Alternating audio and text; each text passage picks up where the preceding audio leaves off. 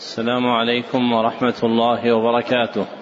الحمد لله الذي رضي لنا الإسلام دينا وبعث إلينا محمدا رسولا صادقا أمينا نحمده حق الحمد ونسأله التوفيق للرشد ونصلي ونسلم على سيد المرسلين وإمام المتقين وخاتم النبيين وعلى آله وصحابته الأخيار المنتجبين وتابعيهم بالإحسان إلى يوم الدين أما بعد فحدثنا الحسن بن عبد الهادي الحسني وهو أول حديث سمعته منه. قال حدثنا عبد الستار بن عبد الوهاب الدهلوي وهو أول حديث سمعته منه. قال حدثنا أحمد بن إبراهيم بن عيسى وهو أول حديث سمعته منه. قال حدثنا عبد الرحمن بن حسن بن محمد بن عبد الوهاب التميمي وهو أول حديث سمعته منه. قال حدثنا عبد الرحمن بن حسن الجبرتي وهو أول حديث سمعته منه. قال حدثنا محمد بن محمد الحسيني وهو أول حديث سمعته منه. حا وحدثنا عاليا درجة الحسن بن عبد الهادي الحسني وهو أول حديث سمعته منه.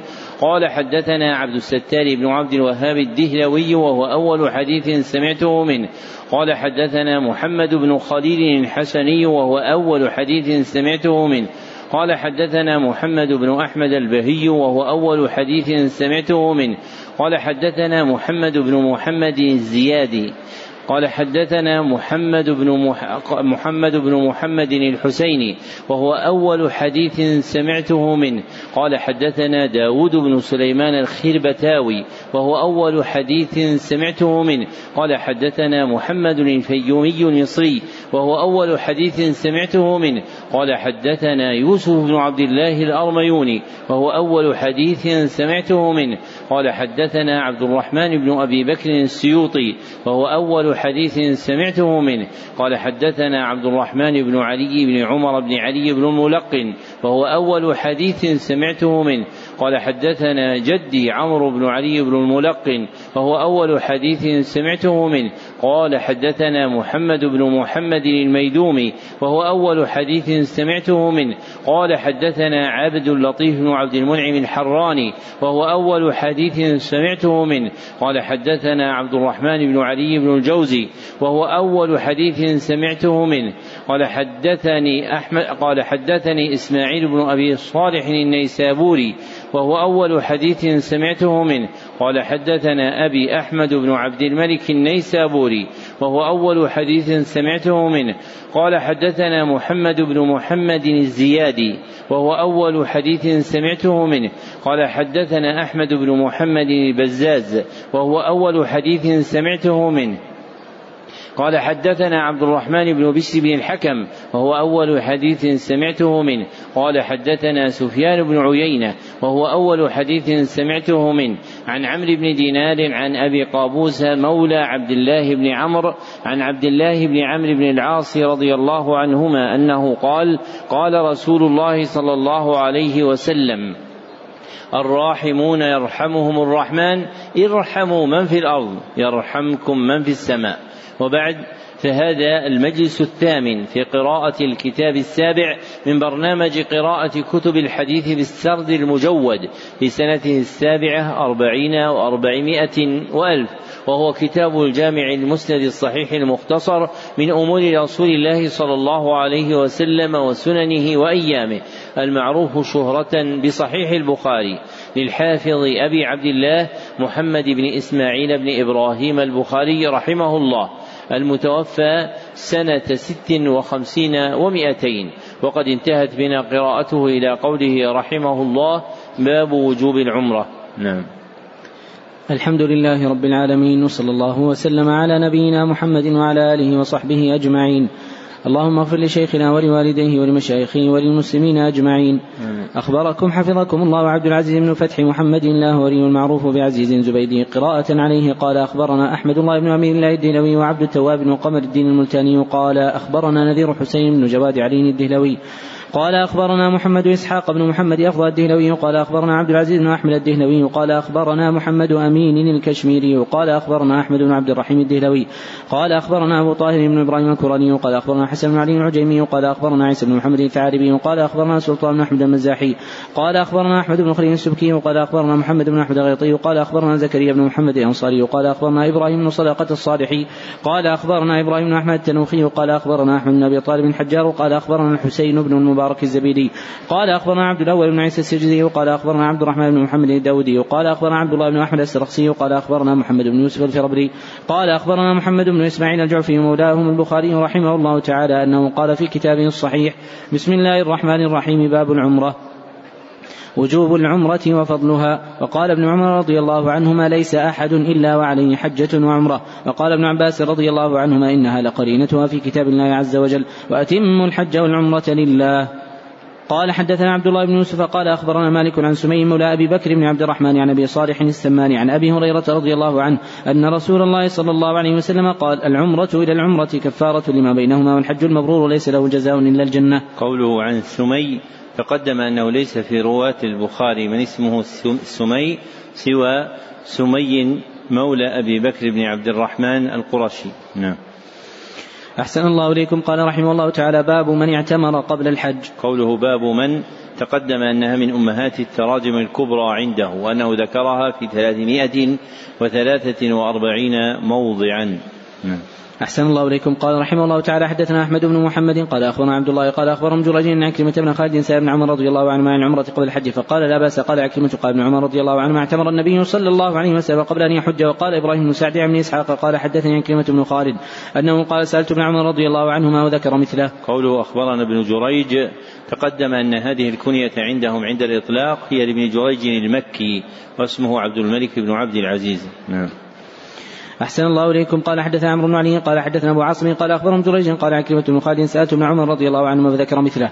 باب كم اعتمر النبي صلى الله عليه وسلم. قوله باب كم تقدم أنها من أمهات التراجم عند البخاري وأنه ذكرها في ستة مواضع. نعم. أحسن الله إليكم. قال رحمه الله تعالى حدثنا قتيبة قال حدثنا جرير عن منصور عن مجاهد أنه قال دخلت أنا وعروة بن الزبير المسجد فإذا عبد الله بن عمر رضي الله عنهما جالس إلى حجرة عائشة رضي الله عنها وإذا ناس يصلون في المسجد صلاة الضحى قال فسألناه عن صلاتهم فقال بدعة. ثم قال لهم كما اعتمر رسول الله صلى الله عليه وسلم؟ قال أربعا إحداهن في رجب فكرهنا أن نرد عليه. قال وسمعنا ستنان عائشة أم المؤمنين رضي الله عنها في الحجرة. فقال يا عروة فقال عروة يا أماه يا أم المؤمنين ألا تسمعين ما يقول أبو عبد الرحمن؟ قالت ما يقول؟ قال يقول إن رسول الله صلى الله عليه وسلم اعتمر أربع عمرات إحداهن في رجب.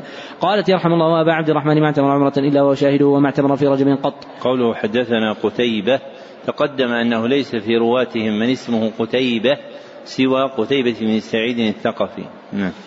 أحسن الله إليكم. قال حدثنا أبو عاصم قال أخبرنا جريج قال أخبرني عطاء عن عروة بن الزبير أنه قال سألت عائشة رضي الله عنها أنها قالت ما اعتمر رسول الله صلى الله عليه وسلم في رجب؟ قال حدثنا حسن بن حسان قال حدثنا همام عن قتادة أنه قال سألت أنس رضي الله عنه كم اعتمر النبي صلى الله عليه وسلم؟ قال أربع عمرة الحديبية في ذي القعدة حيث صده المشركون وعمرة من عام المقبل في ذي القعدة حيث صالحهم وعمرة الجعرانة إذ قسم غنيمة وراء حنين. قلت كم حج؟ قال واحدة.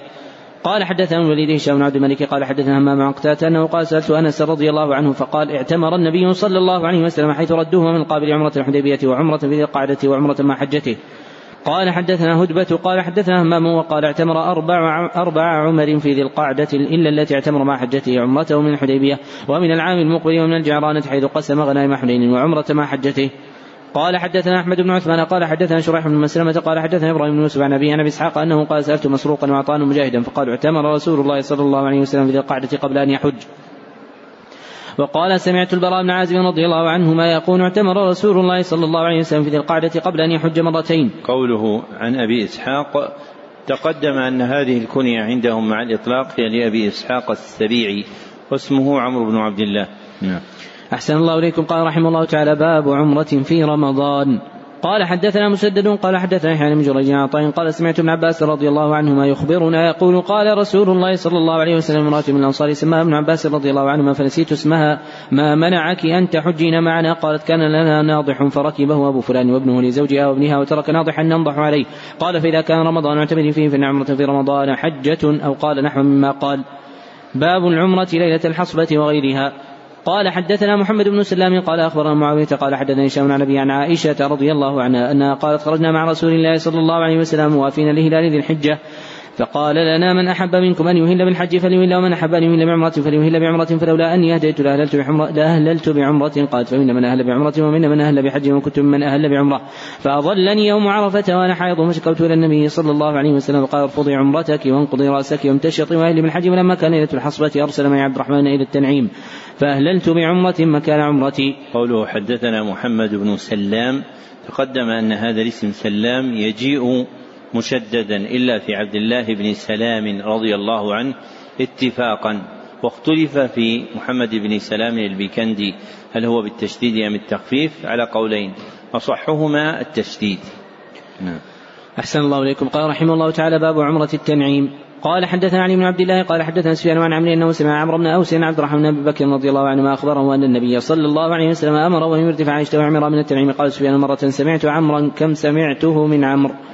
قال حدثنا محمد بن مثنى قال حدثنا عبد الله بن عبد المجيد عن حبيب المعلم عن عطاء عن قال حدثني جابر بن عبد الله رضي الله عنهما أن النبي صلى الله عليه وسلم أهل وأصحابه في الحج وليس مع أحد منهم هدي غير النبي صلى الله عليه وسلم وطرحته وكان علي قادم من اليمن ومعه الهدي. فقال أهللت بما أهل به رسول الله صلى الله عليه وسلم وأن النبي صلى الله عليه وسلم أذن لأصحابه أن يجعلوها عمرة. يطوف بالبيت ثم يقصر ويحل لمن معه الهدي فقالوا ننطلق إلى منهم وذكر أحدنا يقطر. فبلغ النبي صلى الله عليه وسلم فقال لو استقبلت من أمري ما استدبرت ما اديت ولولا أن معي الهدي لاحللت وأن عائشة رضي الله عنها حاضت فنسكت مناسك كلها غير أنها لم تطهر بالبيت قال فلما طهرت وطافت قالت يا رسول الله تنطلقون بعمرة وحجة وانطلق بالحج. فأمر عبد الرحمن بن أبي بكر أن يخرج معي إلى التنعيم. فاعتمرت بعد الحج في ذي الحجة. وأن سراقة بن مالك بن جعشم لقي النبي صلى الله عليه وسلم بالعقبة ويرميها. فقال ألكم هذه خاصة يا رسول الله؟ قال لا بل للأبد. قوله عن حبيب المعلم تقدم أنه ليس عندهم بضم الحاء حبيب. وإنما يأتي بفتح الحاء حبيب نعم. أحسن الله إليكم. قال رحمه الله تعالى باب الاعتبار بعد الحج بغير هدي. قال حدثنا محمد بن مثنى قال حدثنا يحيى قال حدثنا هشام قال أخبرني أبي قال أخبرتني عائشة رضي الله عنها أنها قالت خرجنا مع رسول الله صلى الله عليه وسلم وافينا هلال ذي الحجة. فقال رسول الله صلى الله عليه وسلم من احب أن يهل بعمرة فليهل ومن أحب أن يهل بحجة فليهل ولولا أني هديت لأهللت بعمرة فمنهم من أهل بعمرة ومنهم من أهل بحجة. وكنت ممن أهل بعمرة فحقت قبل أن أدخل مكة فأدركني يوم عرفة وأنا حائض فشكوت إلى رسول الله صلى الله عليه وسلم فقال دعي عمرتك وانقضي رأسك وامتشطي واهلي بالحج ففعلت فلما كانت ليلة الحصبة أرسل معي عبد الرحمن إلى التنعيم فاردفها فالت بعمرة مكان عمرتها فقضى الله حجها وعمرتها ولم يكن في شيء من ذلك هدي ولا صدقة ولا صوم. باب أجر العمرة على قدر النصب. قوله باب أجر هذه الترجمة من أمهات التراجم عند البخاري ذكرها في سبعة مواضع. نعم. أحسن الله إليكم. قال حدثنا مسدد قال حدثنا يزيد بن زرع قال حدثنا ابن عون عن قاسم بن محمد وعن ابن عون عن إبراهيم عن الأسود أنهما قال قالت عائشة رضي الله عنها يا رسول الله يصدر الناس بنسكين واصدر بنسك فقيل انتظري فإذا طهرت فاخرجي إلى التنعيم فاهلي ثم أتينا بمكان كذا ولكنها على قدر نفقتك أو قال نصبك. قوله حدثنا مسدد. تقدم أنه ليس في رواتهم من اسمه مسدد سوى مسدد بن مسرهد الأسدي. نعم. أحسن الله إليكم. قال رحمه الله تعالى باب المعتمر إذا طاف طواف العمرة ثم خرج هل يجزئه من طواف الوداع؟ قال حدثنا ابن نعيم قال حدثنا افلح بن حميد عن قاسم عن عائشة رضي الله عنها أنها قالت خرجنا مهلين بالحج في أشهر الحج وحرم الحج فنزلنا سرف. فقال النبي صلى الله عليه وسلم لأصحابه من لم يكن معه هدي فأحب أن يجعل عمرة فليفعل من كان معه هدي فلا وكان مع النبي صلى الله عليه وسلم رجال من أصحابه ذوي قوة الهدي. فلم تكن لهم عمرة فدخل عليه النبي صلى الله عليه وسلم وأنا أبكي. فقال ما يبكيك قلت سمعتك تقول أصحابك ما قلت فمنعت العمرة. قال وما شأنك؟ قلت لا أصلي. قال فلا يضرك. إن أنت من بنات آدم. كتب عليك ما كتب عليهن فكوني بحجتك عسى الله عز وجل أن يرزقكها. قالت فكنت حتى نفرنا من منى فنزلنا المحصى ودعا عبد الرحمن فقال اخرج باختك الحرم فلتهل بعمرة ثم افرغا من طوافكما انتظركما ها هنا. فأتينا في جوف الليل فقال فرغت ما قلت نعم فنادى بالرحيل باصحابي فارتحل الناس من طاف البيت قبل صلاة الصبح ثم خرج موجها إلى المدينة. قوله حدثنا أبو نعيم تقدم أن هذا الاسم نعيم يأتي عندهم مصغرا ولم يأتي نعيم لا في الأسماء ولا في الكنى وأبو نعيم عند الإطلاق هو الفضل بن دكين الكوفي. نعم. أحسن الله إليكم. قال رحمه الله تعالى باب يفعل في العمرة ما يفعل في الحج. قال حدثنا ابن نعيم قال حدثنا همام قال حدثنا عطاء قال حدثني صفوان بن يعلى بن أمية يعني عن أبيه أن رجلا أتى النبي صلى الله عليه وسلم الجعرانة وعليه جبة وعليه أثر الخلوق أو قال صفرة فقال كيف تأمرني أن أصنع في عمرتي؟ فأنزل الله على النبي صلى الله عليه وسلم ستر بثوب ووددت أني قد رأيت النبي صلى الله عليه وسلم قد أنزل عليه الوحي. فقال عمر تعالى يسرك أن تنظر إلى النبي صلى الله عليه وسلم قد أنزل الله الوحي؟ قلت نعم. فرفع طرف الثوب فنظرت إليه له غطيط وأحسبه قال كغطيط البكر. فلما سري عنه قال أين السائل؟ عن عمرتي اخلع عنك الجبة وصل عثر الخلوق عنك وأنقذ صفرة واصنع في عمرتك كما تصنع في حجك. قال حدثنا عبد الله بن يوسف قال اخبر مالك عن شام بن عروة النبي أنه قال قلت لعائشة رضي الله عنها زوج النبي صلى الله عليه وسلم وأنا يوم حديث السن.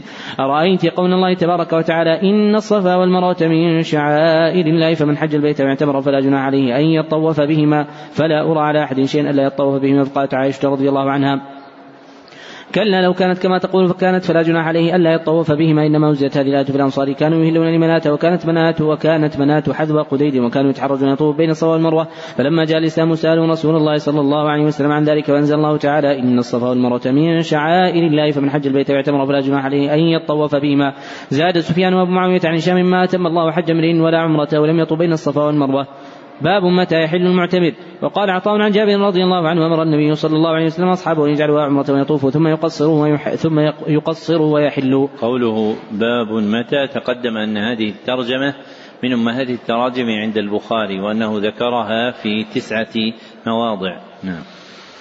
أحسن الله إليكم. قال حدثني إسحاق بن إبراهيم عن جرير عن إسماعيل عن عبد الله بن أبي أوفى رضي الله عنه أنه قال اعتمر رسول الله صلى الله عليه وسلم واعتبرنا معه فلما دخل مكة طاف وطفنا معه وأتى الصبا والمروة وأتيناها معه وكن وأتيناها معه وكنا نستر من المكة أن يرميه أحد. فقال له صاحب لي كان دخل الكعبة. قال لا. قال فحدثنا ما قال لخديجة. قال بشروا خديجة ببيت من الجنة من قصب لا صخب فيه ولا نصب. قال حدثنا حميدي وقال حدثنا سفيان بن عمرو بن دينار قال سألنا ابن عمر رضي الله عنهما عن رجل طاف بيتي في عمرته ولم تطب بين الصفا والمروة ايت امرأته. فقال قدم النبي صلى الله عليه وسلم طاف بيتي سبعا وصلى قبل مقام ركعتين وطاف بين الصفا والمروة سبعا وقد كان لكم في رسول الله أسوة حسنة. قال وسألنا جابر بن عبد الله رضي الله عنهما فقال لا يقربن حتى يطوف بين الصفا والمروة. قال حدثنا محمد بن بشار قال حدثنا غندر قال حدثنا شعبة عن قيس بن مسلم عن طارق بن شهاب عن أبي موسى الأشعري رضي الله عنه أنه قال قدمت على النبي صلى الله عليه وسلم بطحاء ومنيخ فقال أحججت؟ قلت نعم. قال ما أهللت؟ قلت لبيك بهلال كهلال النبي صلى الله عليه وسلم. قال أحسنت طف بالبيت وبالصفا والمروة ثم أحل فطفت بالبيت وبالصفا والمروة ثم أتيت امرأة من قيس ففلت رأسي ثم أهللت بالحج فكنت أفتي به حتى كان في خلافة عمر فقال إن أخذنا بكتاب الله فإنه يأمرنا بالتمام وإن أخذنا بقول النبي صلى الله عليه وسلم فإنه لم يحل حتى يبلغ الهدي محلة. قوله حدثنا غندر تقدم أن هذا لقب لراو يذكر به كثيرا واسمه محمد بن جعفر البصري. نعم. أحسن الله إليكم. قال حدثنا أحمد بن عيسى قال حدثنا ابن أبي قال أخبرنا عمرو عن أبي الأسود أن عبد الله مولى أسماء بنت أبي بكر حدثه أنه كان يسمع أسماء رضي الله عنها تقول كلما مرت بالحجون صلى الله على محمد صلى الله عليه وسلم قد نزلنا معه هنا ونحن يومئذ خفاف قليل ظهرنا قليلة أزوادنا فاعتمرت أنا وأختي عائشة رضي الله عنها الزبير وفلان وفلان فلما مسحنا البيت أحللنا ثم أهللنا من العشي بالحج. باب ما يقول إذا رجع من الحج أو العمرة أو الغزو. قوله باب ما يقول تقدم أن هذه الترجمة من أمهات التراجم عند البخاري. وأنه ذكرها في أربعين موضعا. ووقع في موضعين قوله باب ما يقال. نعم. أحسن الله إليكم. قال حدث عبد الله بن يوسف قال أخبر مالك عن نافع عبد الله بن عمر رضي الله عنه أن رسول الله صلى الله عليه وسلم كان إذا قفل من غزو أو حج أو عمرة يكبر على كل شرف من الأرض ثلاث تكبيرات ثم يقول لا إله إلا الله وحده لا شريك له له الملك وله الحمد وهو على كل شيء قدير. آيبون تائبون عابدون ساجدون لربنا حامدون صدق الله وعده ونصر عبده وهزم الأحزاب وحده. باب استقبال الحاج القادمين والثلاثة على الدابة. قوله باب استقبال هذه الترجمة من أمهات التراجم عند البخاري. ذكرها بهذا اللفظ في خمسة مواضع وقال في ثلاثة مواضع باب يستقبل. نعم. أحسن الله إليكم قال حدثنا معل بن أسد قال حدثنا يزيد بن زريع قال حدثنا خالد عن كلمة عن عباس رضي الله عنه أنه قال لما قدم النبي صلى الله عليه وسلم مكة استقبلته غيلمة بني عبد المطلب فحمل واحدا بين يديه وآخر خلفه باب القدوم بالغداة قال حدثنا أحمد بن الحجاج قال حدثنا أنس بن عياض عن عبد الله النافع بن عمر رضي الله عنه أن رسول الله صلى الله عليه وسلم كان إذا خرج إلى مكة يصلي في مسجد الشجرة وإذا رجع صلى بذي الحليفة بطن الوادي وبات حتى يصبح. باب الدخول بالعشي. قوله باب الدخول هذه الترجمة من أمهات التراجم عند البخاري ذكرها بهذا اللفظ منك معرفة في موضعين باب الدخول وذكرها في خمسة مواضع منكرة باب دخول. نعم. أحسن الله إليكم. قال حدثنا موسى بن إسماعيل قال حدثنا همام بن إسحاق بن عبد الله بن أبي طلحة عن أنس رضي الله عنه أنه قال كان النبي صلى الله عليه وسلم لا يطرق أهله كان لا يدخل إلا غدوة وعشية. باب لا يطرق أهله إذا بلغ المدينة. قوله باب لا تقدم أن هذه الترجمة من أمهات التراجم عند البخاري وأنه ذكرها في مئة وأربعة مواضع. والطرق والطروق هو الدخول على الأهل في الليل بأن يأتي أهله ليلا قادما من سفر نعم. أحسن الله إليكم. قال حدثنا مسلم بن إبراهيم قال حدثنا شعبة عن محارب عن جابر رضي الله عنه أنه قال نهى النبي صلى قال نهى النبي صلى الله عليه وسلم أن يطرق أهله ليلا. قوله عن محارب تقدم أنه ليس في رواته من اسمه محارب سوى راو واحد هو محارب بن دثار السدوسي. نعم. أحسن الله إليكم. قال رحمه الله تعالى باب من أسرع ناقته إذا بلغ المدينة. قال حدثنا سعيد بن أبي مريم قال أخبرنا محمد بن جعفر قال أخبرني حميد انه سمع أنس رضي الله عنه يقول كان رسول الله صلى الله عليه وسلم إذا قدم من سفر فأبصر درجات المدينة أوضع ناقته وإن كانت دابة حركها. قال أبو عبد الله لحارث بن قال قال أبو عبد الله زاد الحارث بن عمير عن حميد قال حركها من حبها.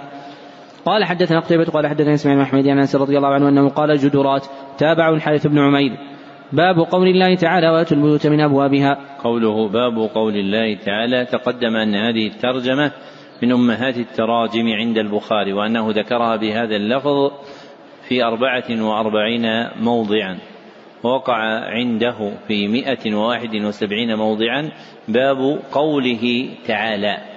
وقع عنده في أربعة وثلاثين ومائتي موضع أنه يقول باب ثم يذكر لفظ آية. نعم.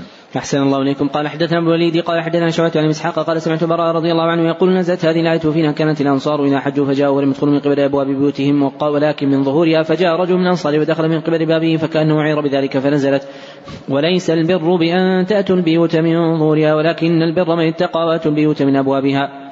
باب السفر قطعة من العذاب. قال حدثنا عبد الله بن مسلمة قال حدثنا مالك عن سليمان عن أبي صالح عن أبي هريرة رضي الله عنه عن النبي صلى الله عليه وسلم أنه قال السفر قطعة من عذاب يمنع أحدكم طعامه وشرابه ونومه فإذا قضى نهمته فليعجل إلى أهله.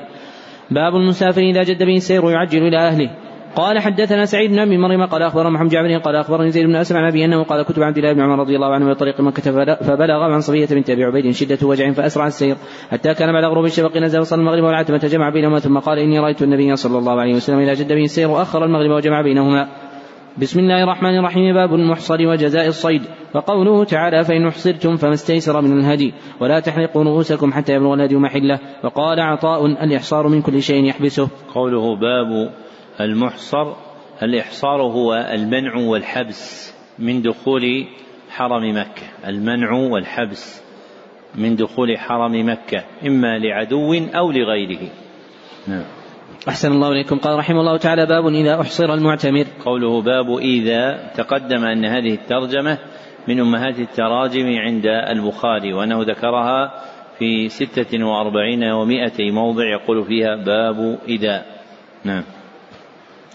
أحسن الله إليكم. قال حدثنا عبد الله بن يوسف قال أخبر مالك عن نافع أن عبد الله بن عمر رضي الله عنهما حين خرج إلى مكة معتمرا في الفتنة فقال إن صددت عن البيت صنعت كما صنعنا مع رسول الله صلى الله عليه وسلم فأهل بعمرة من أجل أن رسول الله صلى الله عليه وسلم كان أهل بعمرة عام الحديبية.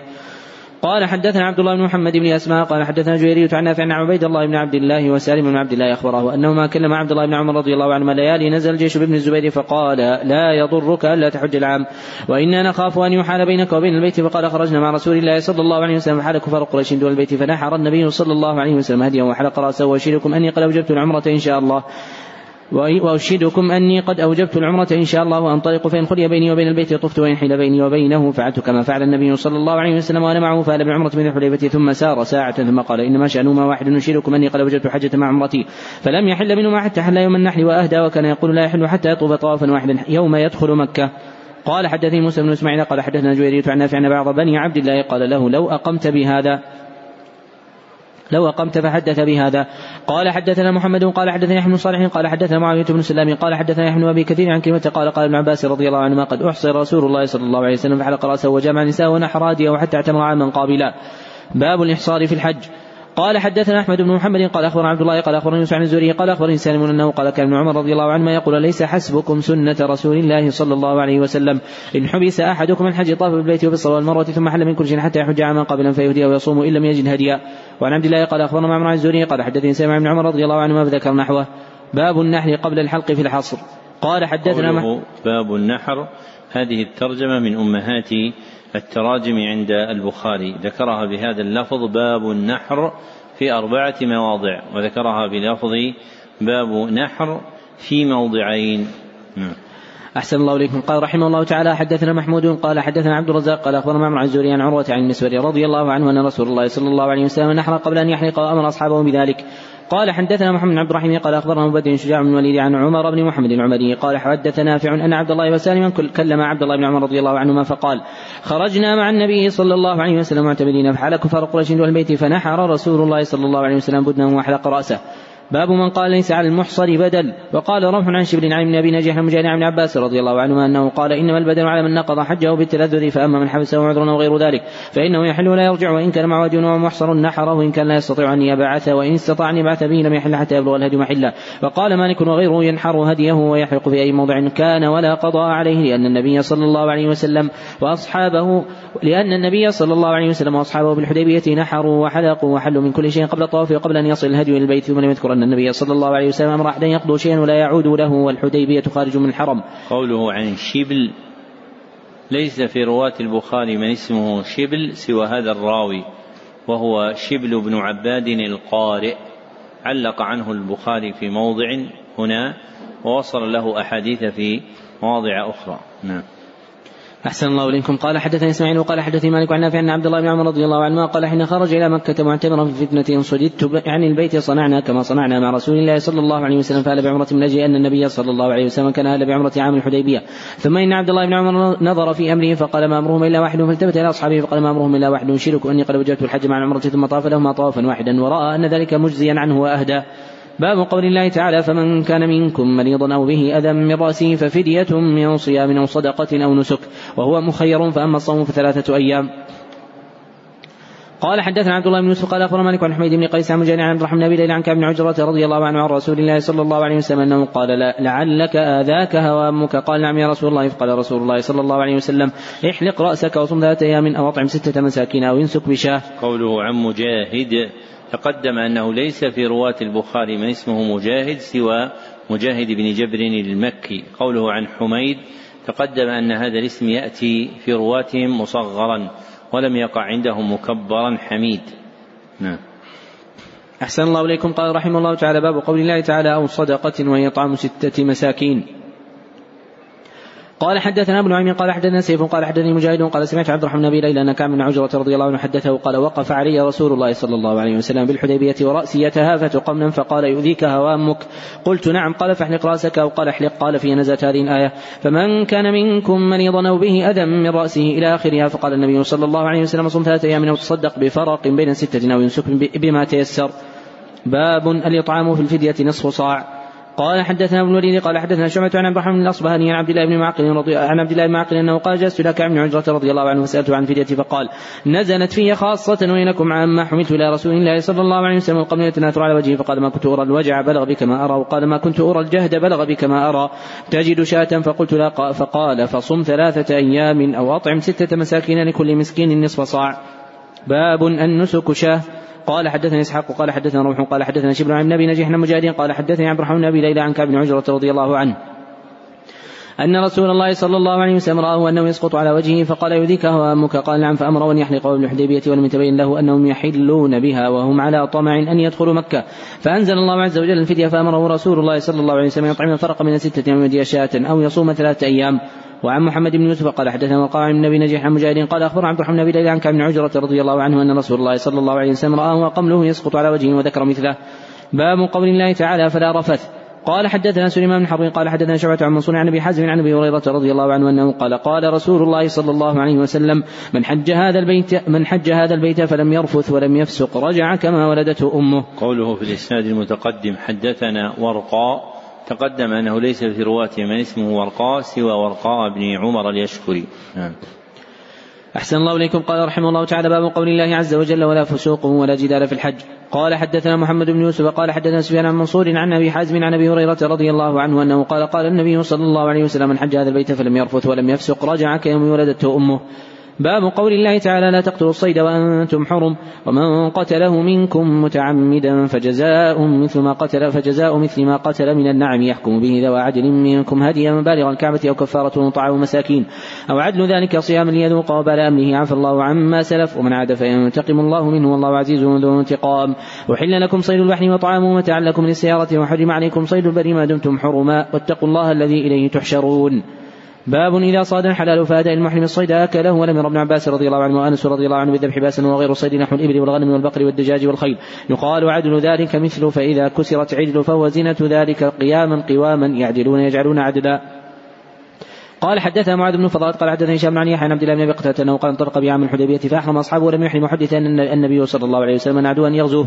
فانطلق النبي صلى الله عليه وسلم فبينما أنا مع أصحابه تضحك بعضهم إلى بعض فنظرت فإذا أنا بحمار وحش فحملت عليه فطعنته فاثبته واستعنت بهم فأبوا يعينوني فأكل من لحمي وخشنا أن نقتطع فطلبت النبي صلى الله عليه وسلم أرفع فرسي شاء واسير شاء فلقيت رجلا من بني غفار في جوف فقلت أين تركت النبي صلى الله عليه وسلم؟ قال تركته ب... قال تركته بتعه وهو قائل السقيا فقلت يا رسول الله إن أهلك يقرؤون عليك السلام ورحمة الله وإنهم قد خشوا أن يقتطعوا دونك فانتظرهم. قلت يا رسول الله أصبت حمار وحش وعندي منه فاضلة. فقال لقوم كلوا وهم محرمون. باب إذا رأى المحرمون صيدا فضحكوا ففطن الحلال.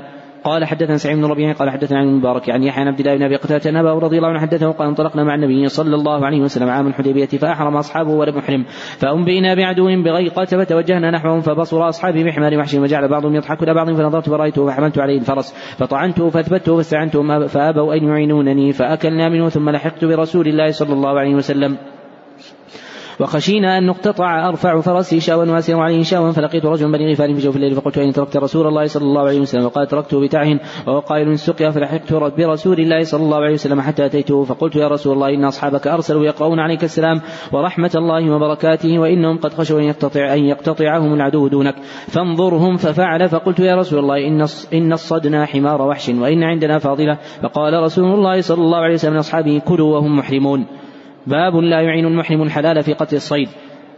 قال حدثنا عبد الله بن محمد قال حدثنا سفيان قال حدثنا صالح بن كيسان عن أبي محمد النافع مولى أبي قتادة أنه سمع أبا قتادة رضي الله عنه قال كنا مع النبي صلى الله عليه وسلم بالقاحه بالمدينة على ثلاث خا قال وحدثنا عن عبد الله قال حدثنا سفيان قال حدثنا صالح بن كيسان عن أبي محمد عن أبي قتادة رضي الله عنه أنه قال كنا مع النبي صلى الله عليه وسلم بالقاحه ومن المحرم ومنا غير المحرم. فرايت أصحابي يتراءون شيئا فنظرت إلى حمار وحش يعني وقع سوطه فقالوا لا نعينك عليه بشيء إنا محرمون فتناولته فأخذته ثم أتيت الحمار من ورائي كمة فعقرته فأتيت به اصحابي فقال بعضهم كلوا. وقال بعضهم لا تأكلوا. فأتيت النبي صلى الله عليه وسلم وامامنا فسالته وقال كلوه حلال. قال لنا عمرو اذهبوا إلى صالح فاسألوا عن هذا وغيره وقدم علينا ها هنا. باب لا يشير المحرم إلى الصيد كي يصطاده الحلال. قال حدثنا موسى بن إسماعيل قال حدثنا معاونة قال حدثنا عثمان وهو ابن موهب. قال أخبرني عبد الله بن أبي قتادة ان أباه رضي الله عنه أخبره أن رسول الله صلى الله عليه وسلم خرج حاجا فخرجوا معه فصار طائفة منهم. فيهم أبو قتادة فقال خذوا ساحل البحر حتى أنتقي فأخذوا ساحل البحر فلما انصرفوا وأحرموا كلهم إلا أبو قتادة لم يحرم فبينما هم يسيرون إذ رأوا حمر وحش فحمل أبو قتادة رضي الله عنه على الحمر فحمل أبو قتادة رضي الله عنه على الحمر فعقر منها تنا فنزلوا فأكلوا من لحمها وقالوا وقالوا وقالوا أنا أنا أكل لحم صيد ونحن محرمون فحملنا ما بقي من لحم الأتان فلما أتوا رسول الله صلى الله عليه وسلم قالوا يا رسول الله إنا كنا أحرمنا وقد كان أبو قتادة لم يحرم فرأينا حمر وحشي فحمل عليها أبو قتادة فعقر منها تنا فنزلنا فأكل من لحمها ثم قلنا أنا أكل لحم صيد ونحن محرمون فحملنا ما بقي من لحمها قال منكم أحد أمره أن يحمل عليها وأشار إليها قالوا لا قال فكلوا ما بقي من لحمها. باب إذا أهدى المحرم حمار وحشيا حيا لم يقبل. قال حدثنا عبد الله بن يوسف قال أخبرنا مالك عن شاب بن احمد بن عبد الله بن عبد المسعود عبد الله بن عباس عن صعب بن جثامة الليثي رضي الله عنه أنه آتى لرسول الله صلى الله عليه وسلم حمار وحشيا وبالأبواب والدان فرده عليه فلما رأى ما في وجهه قال إنا لم نرده عليك إلا أنا حرم. باب ما يقتل المحرم من الدواب. قال حدثنا عبد الله بن يوسف قال أخبرنا مالك عن نافع عبد الله بن عمر رضي الله عنه أن رسول الله صلى الله عليه وسلم قال خمس من الدواب ليس على المحرم في قتلهن جناح. وعن عبد الله بن دينار عبد الله بن عمر رضي الله عنه أن رسول الله صلى الله عليه وسلم قال قال حدثنا مسدد قال حدثنا معاونة عن زيد بن جبير قال سمعت عمر رضي الله عنه يقول حدثتني إحدى نسوة النبي صلى الله عليه وسلم عن النبي صلى الله عليه وسلم أنه قال يقتل المحرم. قال حدثنا اصبه قال أخبرني عبد الله بن أبي عن يوسف بن عن سلمة قال قال عبد الله بن عمر رضي الله عنهما قالت حفصة رضي الله عنها قال رسول الله صلى الله عليه وسلم خمس من الدواب لا حرج على من قتلهن الغراب والحداة والفارة والعقرب والكلب العقور.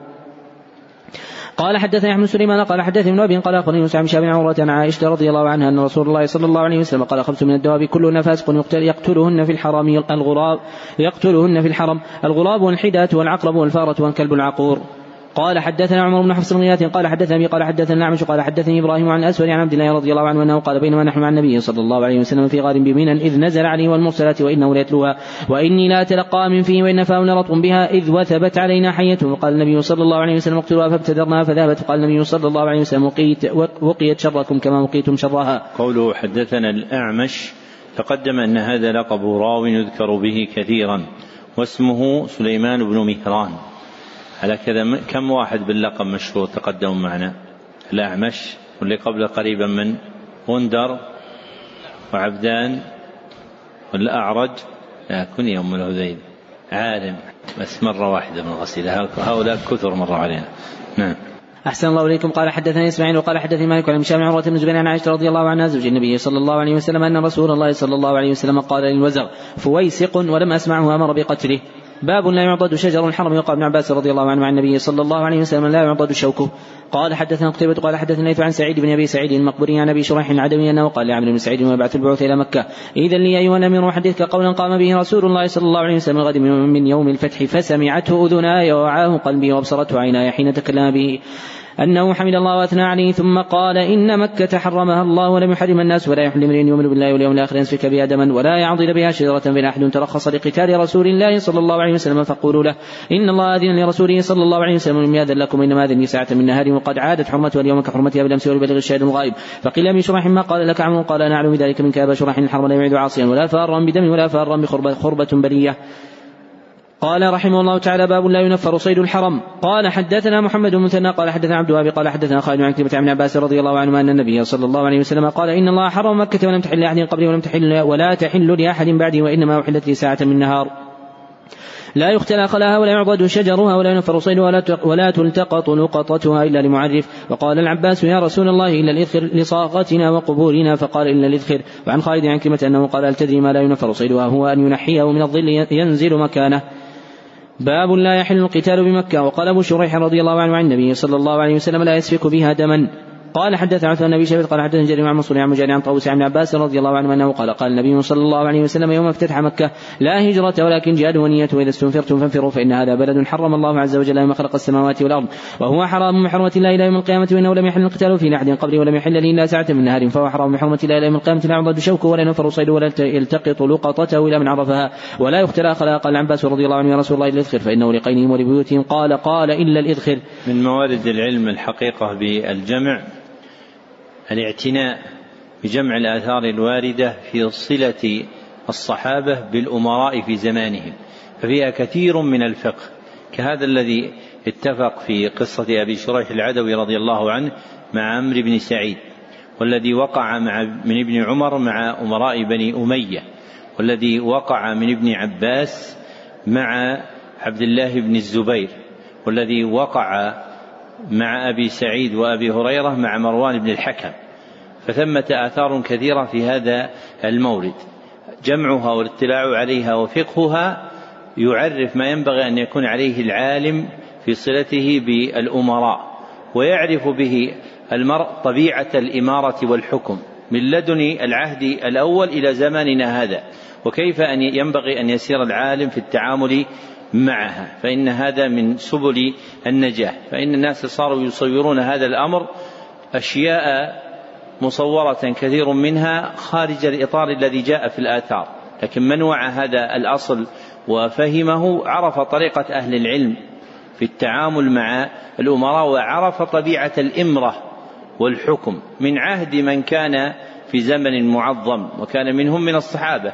كابن الزبير وعلاقته مع ابن عباس رضي الله عنه وما وقع بينهما تارة من إقبال وتارة من إدبار. هذا يعين طالب العلم على الفهم. وطالب العلم ينبغي له أن يحرص عند قراءة الأحاديث والآثار على تفتيق المعاني المستكنة فيها وأن يتفهم كل ما يرد ويوظفه في فهمه الصحيح للدين. فإن الناس يقدمون ولا سيما في هذه الأزمان فهوما مختلفة للدين. لكن من أراد النجاة فليلزم طريقة الصحابة رضي الله عنهم. نعم. أحسن الله إليكم. قال رحمه الله تعالى باب الحجامة المحرم وكان ابن عمر رضي الله عنه ابنه وهو محرم ويتداوى ما لم يكن فيه طيب. قال حدثنا ابن عبد الله قال حدثنا سفيان قال قال عمرو قال قال عمرو أول شيء سمعت عطاء يقول سمعت ابن عباس رضي الله عنهما يقول احتجم رسول الله صلى الله عليه وسلم محرم ثم سمعته يقول حدثني طاووس عن عباس فقلت لعله سمعه منهما. قال حدثنا خالد مخلد قال حدثنا سليمان بن بلال عن قبة بن أبي علقمة عن عبد الرحمن الاعرج عن ابن محينة رضي الله عنه أنه قال احتجم النبي صلى الله عليه وسلم محرم بلحي جمل في وسط رأسه. باب تزويج المحرم. قوله باب تزويج هذه الترجمة من أمهات التراجم عند البخاري. ذكرها بهذا اللفظ في ثمانية مواضع ووقعت في موضع واحد بلفظ باب التزويج. نعم.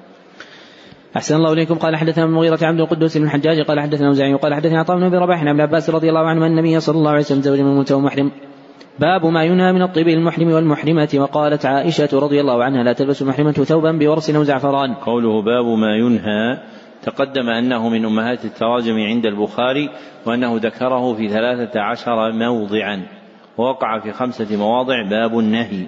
نعم. أحسن الله إليكم. قال رحمه الله تعالى حدثنا عبد الله بن يزيد قال حدثنا قال حدثنا نافع عن عبد الله بن عمر رضي الله عنه أنه قال قام رجل قال يا رسول الله ماذا تأمرنا أن نلبس من الثياب في الإحرام؟ وقال النبي صلى الله عليه وسلم لا تلبسوا القميص ولا السراويلات ولا العمائم والبرانس إلا أن يكون أحد ليست له نعلان فليلبس خفين وليقطع أسفل من الكعبين ولا تلبسوا شيئا من السوء زعفران ولا الورس ولا تنتقب المرأة المحرمة ولا تلبس القفازين تابع موسى بن عقبة وإسماعيل بن إبراهيم بن عقبة وجويرية وابن إسحاق بالنقاب والقفازين وقال عبيد الله ولا ورس وكان يقول لا تتنقب لا تتنقب المحرمة ولا تلبس القفازين. وقال مالك عن نافع عمر رضي الله عنهما لا تتنقب المحرمة. وتابع ليث بن أبي سليم قال حدثنا قتيبة قال حدثنا جرير عن منصور الحكم عن سعيد بن عن عباس رضي الله عنه أنه قال وقصت برجل محرم ناقته فقتلته فأتي به رسول الله صلى الله عليه وسلم فقال اغسلوه وكفنوه. ولا تغطوا رأسه ولا تقربوه طيبا فإنه يبعث يهل باب الاغتسال للمحرم وقال ابن عباس رضي الله عنهما يدخل المحرم الحمام ولم ابن عمر. وعائشة رضي الله عنهما بالحك بأسا. قوله باب الاغتسال هذه الترجمة من أمهات التراجم عند البخاري. ذكرها بهذا اللفظ باب الاغتسال في ثلاثة مواضع وذكرها في موضع واحد بلفظ باب اغتسال وذكرها بلفظ باب بلفظ باب الغسل في أربعة مواضع وبلفظ باب غسل في سبعة عشر موضعا. كلاهما يجمعهما أصل لغوي واحد. نعم. أحسن الله إليكم. قال حدثنا عبد الله بن يوسف قال أخبرنا مالك عن زيد بن أسمع عن إبراهيم بن عبد الله بن حنين عن أبي عبد الله بن عباس والمسور بن مخرمة رضي الله عنه اختلف بالأبواب فقال عبد الله بن عباس رضي الله عنه ما يغسل المحرم رأسه وقال المسور لا يغسل المحرم رأسه. فأرسلني عبد الله بن العباس إلى أبي أيوب الأنصاري فوجدته يغتسل من القرنين ويستر بثوب فسلمت عليه فقال من هذا؟ فقلت أنا عبد الله بن حنين ارسلني إليك عبد الله بن عباس يسألك كيف كان رسول الله صلى الله عليه وسلم يصل راسه محرم فوضع أبو أيوب يده على الثوب فطأطأه حتى بدأ لي رأسه ثم قال الانسان يصب عليه يصب فصب على راسه ثم حرك رأسه بيديه فاقول بهما وأدبر. وقال هكذا رايته صلى الله عليه وسلم يفعل. باب لبس الخفين للمحرم إذا لم يجد النعلين. قوله باب لبس. هذه الترجمة من أمهات التراجم عند البخاري. ذكرها في ستة مواضع. نعم. أحسن الله إليكم. قال حدثنا الوليد قال حدثنا شبة قال أخبرني عمرو بن دينار أنه قال سمعت جابر بن زيد قال سمعت ابن عباس رضي الله عنه أنه قال سمعت النبي صلى الله عليه وسلم يخطو بعرفات من لم يجد عليهم فليبس خفين ومن لم يجد إزارا فليبس سراويل المحرم. قال حدثنا أحمد بن يونس قال حدثنا إبراهيم بن سعيد قال حدثنا مشابه عن سامع عبد الله رضي الله عنه أنه سئل قال سئل رسول الله صلى الله عليه وسلم يلبس المحرم من الثياب. فقال لا يلبس القميص والعمائم ولا السراويلات ولا البرنس ولا مسه زعفران ولا ورس وإن لم يجد عليهم فليبس خفين ويقطعهما حتى يكون أسفل من الكعبين. باب إذا لم يجد ازارا فليلبس السراويل. قال حدثنا آدم قال حدثنا شعبة قال حدثنا عمرو بن دينار عن جابر بن زيد عن عباس رضي الله عنه أنه قال خطب النبي صلى الله عليه وسلم عرفاته وقال من لم يجد ازارا فليلبس السراويل ومن لم يجد النعلين فليلبس خفين. باب لبس السلاح المحرم وقال عكرمة إذا خشي العدو ولبس السلاح وافتدى ولم يتابع عليه في الفدية. قال حدثنا عبد الله بن اسرائيل عن إسحاق البراء رضي الله عنه أنه قال اعتمر النبي صلى الله عليه وسلم في القعدة فابان مكة يدعوه يدخل مكة حتى قاضاهم لا يدخل حتى قاضاهم لا يدخل مكة سلاحا إلا في القراب. باب دخول حرم مكة بغير إحرام. ودخل ابن عمر رضي الله عنهما وإنما أمر النبي صلى الله عليه وسلم بالإهلال من أراد الحج والعمرة ولم يذكر ولم يذكر للحطابين وغيرهم. قال حدثنا مسلم قال حدثنا ويم قال حدثنا طاووس عن أبي عن ابن عباس رضي الله عنهما أن النبي صلى الله عليه وسلم وقت أهل المدينة ذي الحليفة واهل نجد قرن المنازل واهل اليمن لملمهن لهن ولكل اتى عليهن من غيرهن مما أراد الحج والعمرة. فمن كان دون ذلك فمن حيث أنشأ حتى أهل مكة من مكة. قال حدثنا عبد الله بن يوسف قال أخبرنا مالك عن شاب عن أنس بن مالك رضي الله عنه أن رسول الله صلى الله عليه وسلم دخل عام الفتح على رأس المغفر فلما نزعه جاء, جاء رجل فقال إن ابن خطر متعلق بلسان الكعبه فقال اقتلوه. باب إذا أحرم جاهلا وعليه قميص وقال أعطاه إذا تطيب ولبس جاهلا ناسيا فلا كفارة عليه. قال حدثنا الوليد قال حدثنا مام قال حدثنا عطاء قال حدثني صفوان بن على عن أبيه أنه قال كنت مع رسول الله صلى الله عليه وسلم أتاه رجل عليه جبة أثر صفرة أو نحوه. كان عمر رضي الله عنه يقول لي تحب إذا نزل عليه الوحي أن تراه فنزل عليه ثم سري عنه فقال اصنع في عمرتك كما تصنع في حجك. وعض رجل يد رجل يعني فانتزع ثنيته فأبطله النبي صلى الله عليه وسلم. باب المحرم باب المحرم يموت بعرفة ولم يأمر النبي صلى الله عليه وسلم أن يؤدى عنه بقية الحج قال حدثنا سليمان بن حرب قال حدثنا أحمد بن زيد عن عمرو بن دينار عن سعيد بن جبير عن ابن عباس رضي الله عنه أنه قال بين رجل واقف مع النبي صلى الله عليه وسلم بعرفة وقع عن راحلته فوقصته وقال فأقعصته فقال النبي صلى الله عليه وسلم اغسلوا ما وكفنوه في ثوبين وقال ثوبين ولا تحنطوا ولا تخمروا رأسه فإن الله يبعثه يوم القيامة يلبي. قوله في الإسناد المتقدم حدثنا أبو الوليد تقدم أن هذه الكنية عندهم عند الإطلاق هي لأبي الوليد الطيالسي واسمه هشام بن عبد الملك. نعم. أحسن الله إليكم قال حدثنا سليمان بن حرب قال حدثنا أحمد بن أيوب عن سعيد بن جبير عن عباس رضي الله عنه أنه قال بين رجل واقف مع النبي صلى الله عليه وسلم عرفة وقع عن راحلته فقصته وقال فأوقصته فقال النبي صلى الله عليه وسلم اغسلوا ما يسلم وكفروا في ثوبين ولا تمسوه طيبا ولا تخمروا رأسه ولا تحنطوه فإن الله يبعثه يوم القيامة ملبيا باب سنة المحرم إذا مات قوله باب سنة تقدم أن هذه الترجمة من أمهات التراجم عند البخاري وأنه ذكرها في خمسة مواضع. نعم. أحسن الله إليكم. قال حدثنا يعقوب بن إبراهيم قال حدثنا شيء قال أخبرنا أبو بشر عن سعيد بن جبير عن عباس رضي الله عنه أن رجلا كان مع النبي صلى الله عليه وسلم فقصته ناقته ومحرم فمات فلم فقال رسول الله صلى الله عليه وسلم اغسلوه بماء وسد وكفنوه في ثوبين ولا تمسوه بطيب ولا تخمروا رأسه فإنه يبعث يوم القيامة ملبيا. قوله أخبرنا أبو بشر تقدم أن هذه الكنية عندهم عند الإطلاق هي لأبي بشر سعيد بن أبي وحشية واسم أبي وحشية إياس. وقوله حدثنا هشيم تقدم أنه ليس في رواة من اسمه هشيم سوى راو واحد هو هشيم بن بشير الواسطي. نعم. أحسن الله إليكم. قال رحمه الله تعالى باب الحج والنذور عن الميت والرجل يحج عن المرأة. قوله باب الحج. هذه الترجمة من أمهات التراجم عند البخاري. ذكرها معرفة في ثلاثة مواطن. وقال باب حج في أربعة مواضع. نعم. أحسن الله إليكم. قال حدثنا موسى بن إسماعيل قال حدثنا أبو عوانة عن أبي بشر عن سعيد بن جبير عن عباس رضي الله عنه من امرأة من جهنة جاءت إلى النبي صلى الله عليه وسلم قالت إنه من نذرة تحج فلم تحج حتى مات أفحج عنها؟ قال نعم حجي عنها. أرأيت لو كان على أمك دين أكنت قاضية؟ أقضوا الله فالله أحق بالوفاء. قوله حدثنا أبو عوانة قدم أن هذه الكنية عندهم لأبي عوانة اليشكري واسمه وضاح بن عبد الله. نعم. أحسن الله إليكم. قال رحمه الله تعالى باب الحج عمن لا يستطيع الثبوت على الراحلة.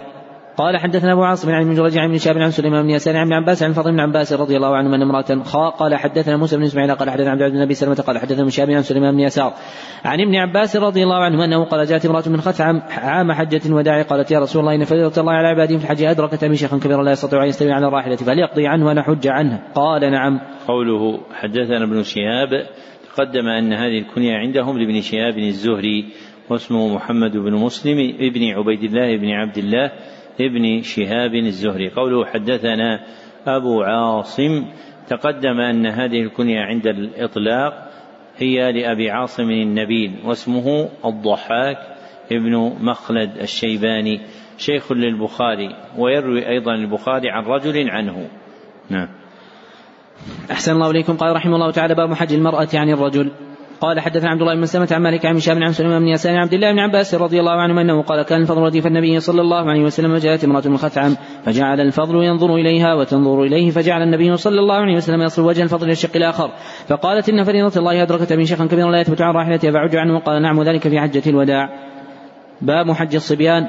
قال حدث ابن عمر قال حدث أحمد بن زيد عن عبد الله بن أبي يزيد قال سمعت ابن عباس رضي الله عنهما يقول بعثني وقال قدمني النبي صلى الله عليه وسلم في الثقل من جمع بليل. قال حدثني إسحاق قال أخبرني يعقوب بن إبراهيم قال حدثنا ابن أخي بن شهاب بن عمي قال أخبرني عبيد الله بن عبد الله بن عتبة بن مسعود عن عبد الله بن عباس رضي الله عنهما قال أقبلت وقد نازلت الحلم اسير على تاني لي ورسول الله صلى الله عليه وسلم قائم يصلي منها حتى سرت بين يدي بعض الصف الأول ثم نزلت عنها فرتعت فرتعت فصرفت مع الناس. وراء رسول الله صلى الله عليه وسلم وقال يونس عن شهاب بمنى في حجة الوداع قال حدثنا عبد الرحمن بن يونس قال حدثنا حاتم بن إسماعيل عن محمد بن يوسف عن السائب بن يزيد أنه قال حج بي مع رسول الله صلى الله عليه وسلم وأنا ابن سبع سنين. قال حدثنا عمرو بن زرارة قال أخبرنا القاسم بن مالك عن جعيد بن عبد الرحمن قال سمعت عمر بن عبد العزيز يقول اسلام بن يزيد وكان قد حج به في ثقل النبي صلى الله عليه وسلم. باب حج النساء. وقال لي أحمد بن محمد قال حدثنا إبراهيم عن أبيه عن جده قال أذن عمر رضي الله عنه ازواج النبي صلى الله عليه وسلم في آخر حجه حجها فبعث معهن عثمان بن عفان وعبد الرحمن.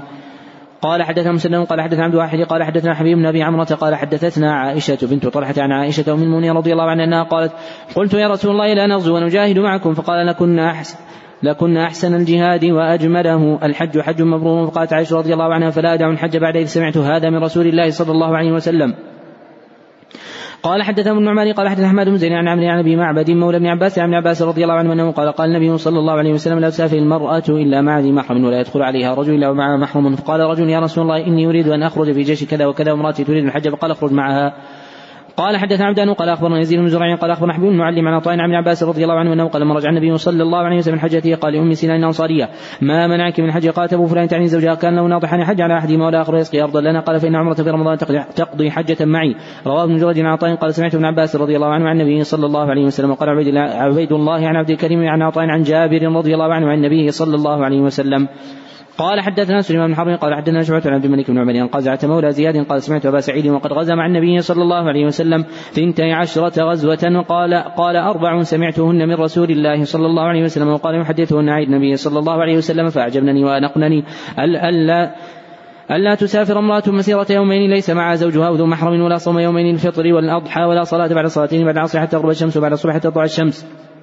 ولا تشد الرحال إلا إلى ثلاث مساجد مسجد الحرام ومسجد ومسجد الأقصى. قوله عن قزعة ليس في رواة البخاري من اسمه قزعة سوى قزعة هذا وهو قزعة ابن يحيى البصري ويقال له قزعة مولى زياد.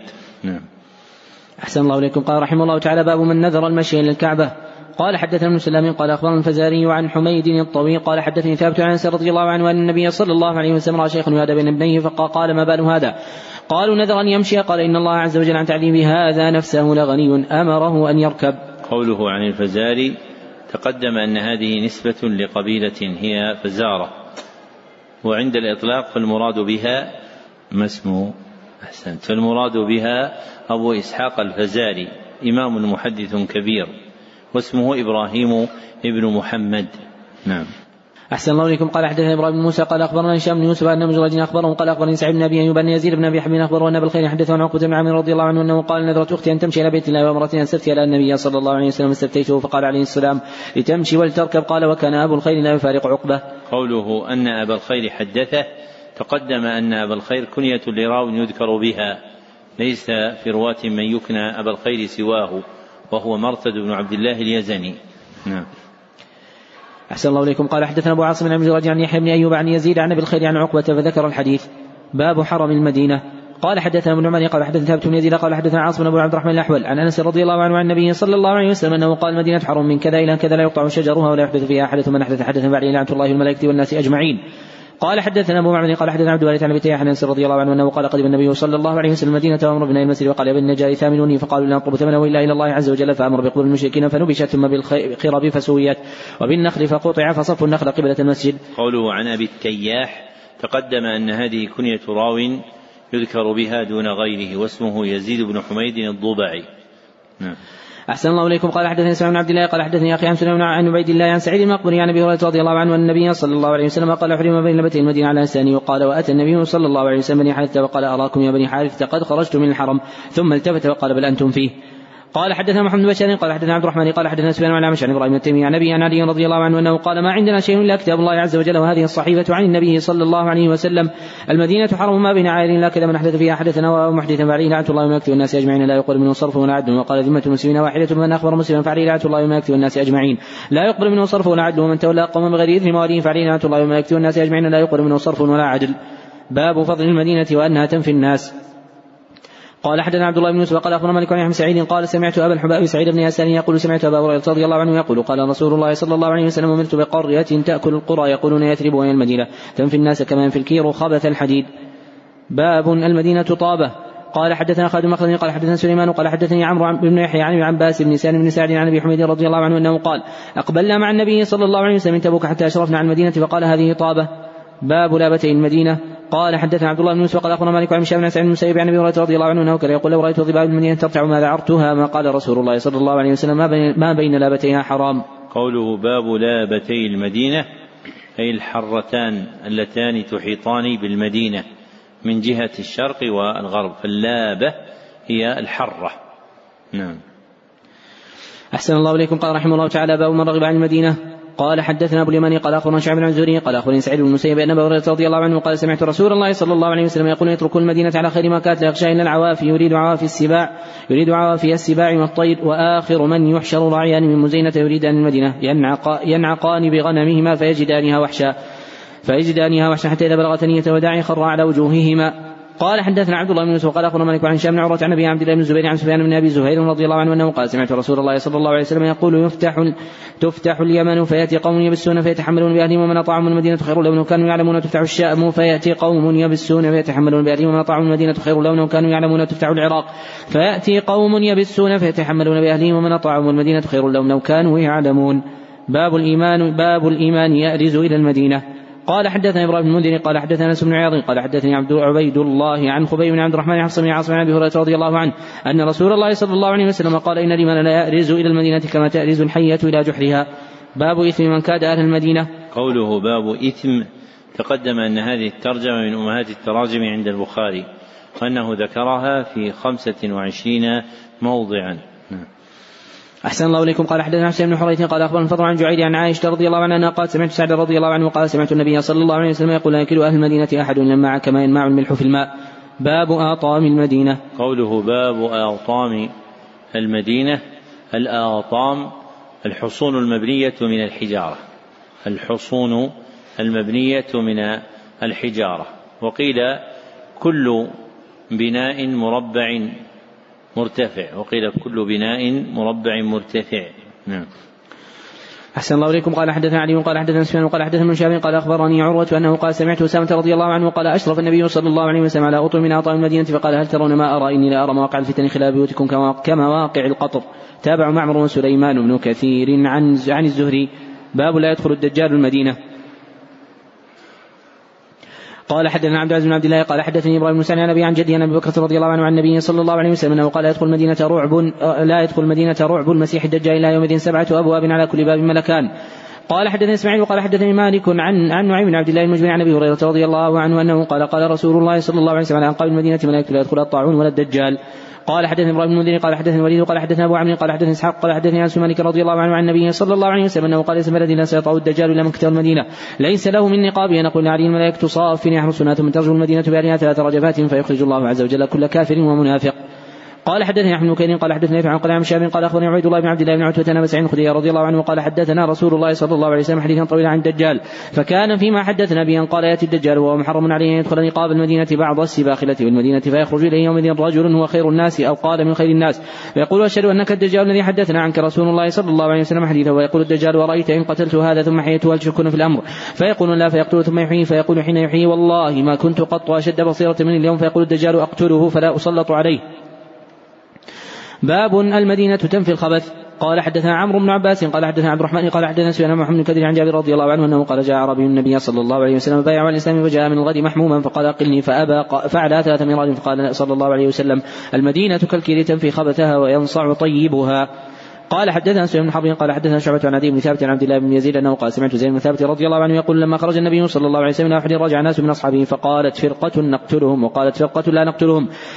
فقالت فرقة نقتلهم وقالت فرقة لا نقتلهم فنزلت فما لكم في المنافقين فئتين. وقال النبي صلى الله عليه وسلم إنها تنفي الرجال كما تنفي النار خبث الحديد. باب قال حدثنا عبد الله بن محمد قال حدثنا وهب بن جرير قال حدثنا أبي قال سمعت يونس عن مشاب عن أنس رضي الله عنه عن النبي صلى الله عليه وسلم أنه قال الله المدينة ضعفي ما جعلت مكة من بركة. تابع عثمان بن عمر عن يونس. قوله باب حدثنا تقدم أنها من أمهات التراجم عند البخاري وأنه ذكرها في أربعة وأربعين موضعا. ووقع في ثمانية مواضع قوله باب حدثني. وأعدل الأقوال أن هذه الترجمة تكون فرعا للترجمة المتقدمة عليها. نعم. أحسن الله إليكم. قال حدثنا قتيبة قال حدثنا إسماعيل بن جعفر عن حميد عن أنس رضي الله عنه أن النبي صلى الله عليه وسلم كان إذا قدم من سفر فنظر إلى جدرات المدينة أوضع راحلته وإن كان على دابة حركها من حبها. باب كراهية النبي صلى الله عليه وسلم أن تعرى المدينة. قوله باب كراهية تقدم أن هذه الترجمة من أمهات التراجم عند البخاري وأنه ذكرها بهذا اللفظ في تسعة مواضع وذكرها بلفظ باب ما يكره في خمسة وثلاثين موضعا وذكرها بلفظ من كره في خمسة مواضع. نعم. أحسن الله إليكم. قال رحمه الله تعالى حدث ابن سلام قال أخبرنا الفزاري عن حميد طويل عن رضي الله عنه أنه قال أراد بنو سلمة يتحولون إلى قرن المسجد فكره رسول الله صلى الله عليه وسلم. أن تعرى المدينة وقال يا بني سلمة لا تحتسبون آثاركم فأقاموا. باب قال حدثنا مسدد عن يحيى بن عبد الله بن عمر قال حدثني خبيب بن عبد الرحمن حسن بن عاصم عن أبي هريرة رضي الله عنه عن النبي صلى الله عليه وسلم أنه قال ما بين بيتي ومنبري روضت من رياض الجنة ومنبري على حوضي. قال حدثنا عبيد بن إسماعيل قال حدثنا مسامة عن هشام عن النبي عن عائشة رضي الله عنها قالت لما قدم رسول الله صلى الله عليه وسلم المدينة وعك أبو بكر وبلال كان أبو بكر أخذته الحمى يقول كل امرئ مصبح في أهله والموت أدنى من شراك نعله. وكان بلال رضي الله عنه أقرع عنه الحمى يرفع عقرته ويقول ألا ليت شعري لبيتن ليلة بواد وحولي إذخر وجليل وهل أرد يوما مياه مجنة وهل يبدوني شامة وطفيل؟ قال اللهم عن شيبة بن ربيعة وعتبة بن ربيعة ومية بن خلف. كما أخرجنا من أرضنا إلى أرض الوباء ثم قال رسول الله صلى الله عليه وسلم اللهم حبب إلينا المدينة كحبنا مكة وشد اللهم بارك لنا في صاعنا وفي مدنا وصحيح لنا وانقل إلى الجحفة قالت وقدمنا المدينة يا أوبا أرض الله. قالت فكان مطحن يجري نجلا تعني ما آجنا. قال حدثنا أحمد بن قال حدثنا عن خالد بن يزيد عن سعيد بن أبي هلال عن زيد بن أسلم عن عمر رضي الله عنه أنه قال اللهم ارزقني شاة في سبيلك واجعل موتي في بلد رسولك صلى الله عليه وسلم. وقال ابن زرعين عن روح بن قاسم عن زيد بن أسلم عن أمه عن حفصة بنت عمر رضي الله عنهما أنها قالت سمعت عمر رضي الله عنه ذكر نحوه وقال هشام عن زيد عن أبيه عن حفصة رضي الله عنها أنها قالت سمعت عمر رضي الله عنه. كتاب الصوم بسم الله الرحمن الرحيم. باب وجوب صوم رمضان وقول الله تعالى يا أيها الذين آمنوا كتب عليكم الصيام كما كتب على الذين من قبلكم لعلكم تتقون. قوله باب وجوب تقدم أنها من أمهات التراجم عند البخاري وأنه ذكرها بهذا اللفظ في أحد عشر موضعا وقع في موضع واحد قوله باب إيجاب ويشاركها باب فرض الذي ذكره في أربعة مواضع. نعم.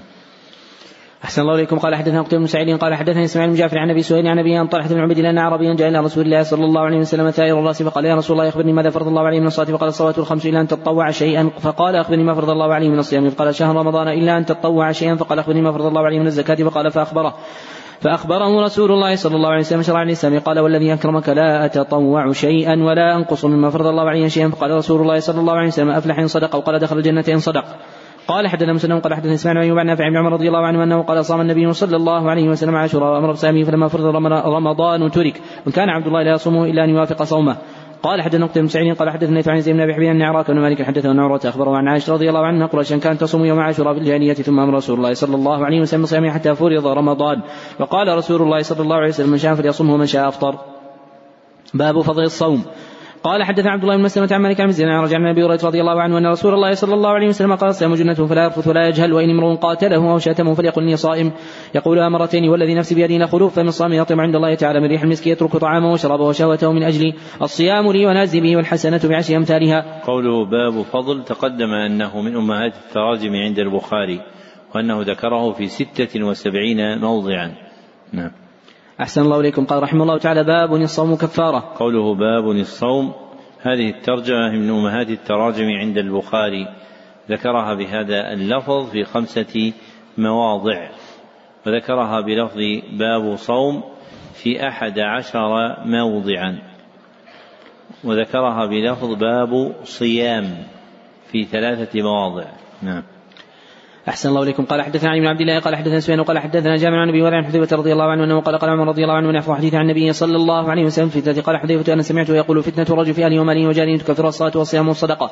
قال ليس أسأل عن ذه إنما أسأل عن التي تموج كما يموج البحر. قال وإن دون ذلك باب مغلقا. قال فيفتح أو يكسر قال يكسر. قال ذاك أجدر ولا يغلق يوم القيامة. فقل مسروق سلها كان عمر رضي الله عنه يعلم من الباب فسأله فقال نعم كما يعلم أن دون غد ليلة. باب الريان للصائمين. قال حدثنا خالد بن قال حدثنا سليمان بن بلاد قال حدثني أبو حازم عن سالم سعد عن سالم رضي الله عنه عن النبي صلى الله عليه وسلم أنه قال في إن في الجنة بابا يقال له ريان يدخل منه الصائمون يوم القيامة يدخل منه أحد غيرهم يقال واين الصائمون؟ فيقومون لا يدخل منه أحد غيرهم فإذا دخلوا اغلق فلم يدخل منه أحد. قال حدثني إبراهيم بن المنذر قال حدثني معن قال حدثني مالك عن بن أحمد بن عبد الرحمن بن رضي الله عنه أن رسول الله صلى الله عليه وسلم قال من أنفق زوجين في سبيل الله نودي من أبواب الجنة يا عبد الله هذا خير فمن كان من أهل الصلاة يدعي من باب الصلاة ومن كان من أهل الجهاد يدعي من أهل الجهاد يدعي من باب الجهاد ومن كان من أهل الصيام يدعي من باب الريان ومن كان من أهل الصدقة يدعي من باب الصدقة. قال أبو بكر رضي الله عنه بأبي أنت وأمي يا رسول الله ما على من دعي من تلك الأبواب من ضرورة بل يدعى أحد من تلك الأبواب كلها. قال نعم وأرجو أن تكون منهم. باب هل يقام رمضان أو شهر رمضان ومن رأى كله واسعا كله واسعا قال النبي صلى الله عليه وسلم من صام رمضان وقال لا تقدموا رمضان. باب قوله باب هل تقدم أن هذه الترجمة من أمهات التراجم عند البخاري وأنه ذكرها في خمسة وخمسين موضعا. نعم. أحسن الله إليكم. قال حدثنا قتيبة قال حدثنا إسماعيل بن جعفر عن أبي سؤال عن أبيه عن أبي هريرة رضي الله عنه أن رسول الله صلى الله عليه وسلم قال إذا جاء رمضان فتحت أبواب الجنة. قال حدثنا يحيى بن قال حدثني الليث عن وقيل عن شاب قال أخبرني ابن أبي أنس مولى التيميين أن أباه حدثه انه سمع أبا هريرة رضي الله عنه يقول قال رسول الله صلى الله عليه وسلم إذا دخل شهر رمضان فتحت أبواب السماء وغلقت أبواب جهنم وسلسله الشياطين. قال حدثنا يحيى بن قال حدثني الليث عن قال عن شاب قال أخبرني سالم أن ابن عمر رضي الله عنهما قال سمعت رسول الله صلى الله عليه وسلم يقول إذا رأيتموه فصوموا وإذا رأيتموه فافطروا فان غم عليكم فاقدروا له. وقال غير عن الليث قال حدثني عقيل ويونس هلال رمضان قوله عن عقيل تقدم أن هذا الاسم وقع مصغرا في راويين هما عقيل بن خالد الأيلي ويحيى بن عقيل البصري وما عداهما فعقيل. نعم. أحسن الله إليكم. قال رحمه الله تعالى باب من صام رمضان إيمانا واحتسابا ونية. وقالت عائشة رضي الله عنها عن النبي صلى الله عليه وسلم يبعثون على نياتهم. قال حدثنا مسلم بن إبراهيم قال حدثني هشام قال حدثني يحيى عن أبي سلمة عن أبي هريرة رضي الله عنه عن النبي صلى الله عليه وسلم أنه قال من قام ليلة قدر ايمانا واحتسابا غفر له ما تقدم من ذنبه ومن صام رمضان ايمانا واحتسابا غفر له ما تقدم من ذنبه. باب أجود ما كان النبي صلى الله عليه وسلم يكون في رمضان. قال حدثنا موسى بن إسماعيل قال حدثنا امرؤ بن سعد قال اخبر مشابه بن عبد الله بن عبد الله بن عتبة بن عباس رضي الله عنهما قال كان النبي صلى الله عليه وسلم أجود الناس بالخير وكان أجود ما يكون في رمضان حين يلقاه جبريل وكان جبريل عليه السلام يلقاه كل ليلة في رمضان حتى ينسلخ يعرض عليه النبي صلى الله عليه وسلم القرآن. فإذا لقيه جبريل عليه السلام كان أجود بالخير من الريح المرسلة. باب من لم يدع قول الزور والعمل به في الصوم. قال حدثنا آدم بن أبي ياسين قال حدثنا أبي ذئب قال حدثنا سعيد المقبري عن أبي النبي رضي الله عنه أنه قال قال رسول الله صلى الله عليه وسلم لم يدع قول الزور والعمل به فليس إليه حاجة بيدع طعامه وشرابه. قوله حدثنا ابن أبي ذئب تقدم أن هذه الكنية عندهم براو واحد هو محمد بن عبد الرحمن بن أبي ذئب القرشي المدني. نعم. أحسن الله إليكم قال رحمه الله تعالى باب هل يقول إني صائم إذا شتم قال حدثني إبراهيم بن موسى قال أخبرني هشام بن يوسف عن درج قال أخبرني عطاء بن أبي صالح زيات أنه سمع أبا هريرة رضي الله عنه يقول قال رسول الله صلى الله عليه وسلم قال الله عز وجل كل عمل ابن آدم له إلا الصيام فإنه لي ونزي به وصيام جنة وإذا كان يوم صوم يحلف لا يرفث ولا يصخب فان سابه أحد وقاتله فليقل امرؤ صائم والذي نفس محمد بيده لخلوف فمن صام يطعم عند الله من ريح المسك الصائم فرحة يفرحهم إذا أفطر فرح وإذا لقي ربه فرح بصومه باب الصوم لمن خاف على نفسه العزوبة قوله باب الصوم لمن خاف على نفسه العزوبة أي ما يجد من العنة والمشقة فيها. أي ما يجد من العنة والمشقة فيها. نعم. أحسن الله إليكم. قال رحمه الله تعالى حدثنا عبدان عن أبي حمزة عن الأعمش عن إبراهيم عن قمة أنه قال بين أنا أمشي مع عبد الله رضي الله عنه فقال كنا مع النبي صلى الله عليه وسلم فقال من استطاع الباءة فليتزوج فإنه غض البصر وأحسن الفرج ومن لم يستطع فعليه بالصوم فإنه له وجاء باب قول النبي صلى الله عليه وسلم إذا رأيتم الهلال فصوموا إذا رأيتموه فافطروا. وقال صلة عن عمال من صام اليوم يوم الشك فقد عصى أبا القاسم صلى الله عليه وسلم. قوله باب قول النبي صلى الله عليه وسلم. تقدم أن هذه الترجمة من أمهات التراجم عنده وأنه ذكرها في ثمانية وستين موضعا ولم يقع قط عنده في الترجمة. قوله باب قول النبي قول الرسول صلى الله عليه وسلم. نعم. أحسن الله إليكم. قال حدثنا عبد الله بن سلمة مالك النافع عبد الله بن عمر رضي الله عنه أن رسول الله صلى الله عليه وسلم ذكر رمضان فقال لا تصوموا حتى تروا الهلال ولا تفطروا حتى تروه فإن غم عليكم فاقدروا له. قال حدثنا عبد الله بن سلمة قال حدثنا مالك وعبد الله بن دينار عبد الله بن عمر رضي الله عنه أن رسول الله صلى الله عليه وسلم قال الشهر تسع وعشرون ليلة فلا تصوموا حتى تروه فإن غم عليكم فأكملوا عدة ثلاثين. قال حدثنا الوليد قال حدثنا شعبة عن جبلة بن سحيم قال سمعت ابن عمر رضي الله عنه يقول قال النبي صلى الله عليه وسلم شر هكذا وهكذا وخمس يفهم في الثالثة. قوله عن جبلة بن سحيم ليس في رواة البخاري من اسمه جبلة سوى هذا الراوي جبلة بن سحيم الكوفي. نعم.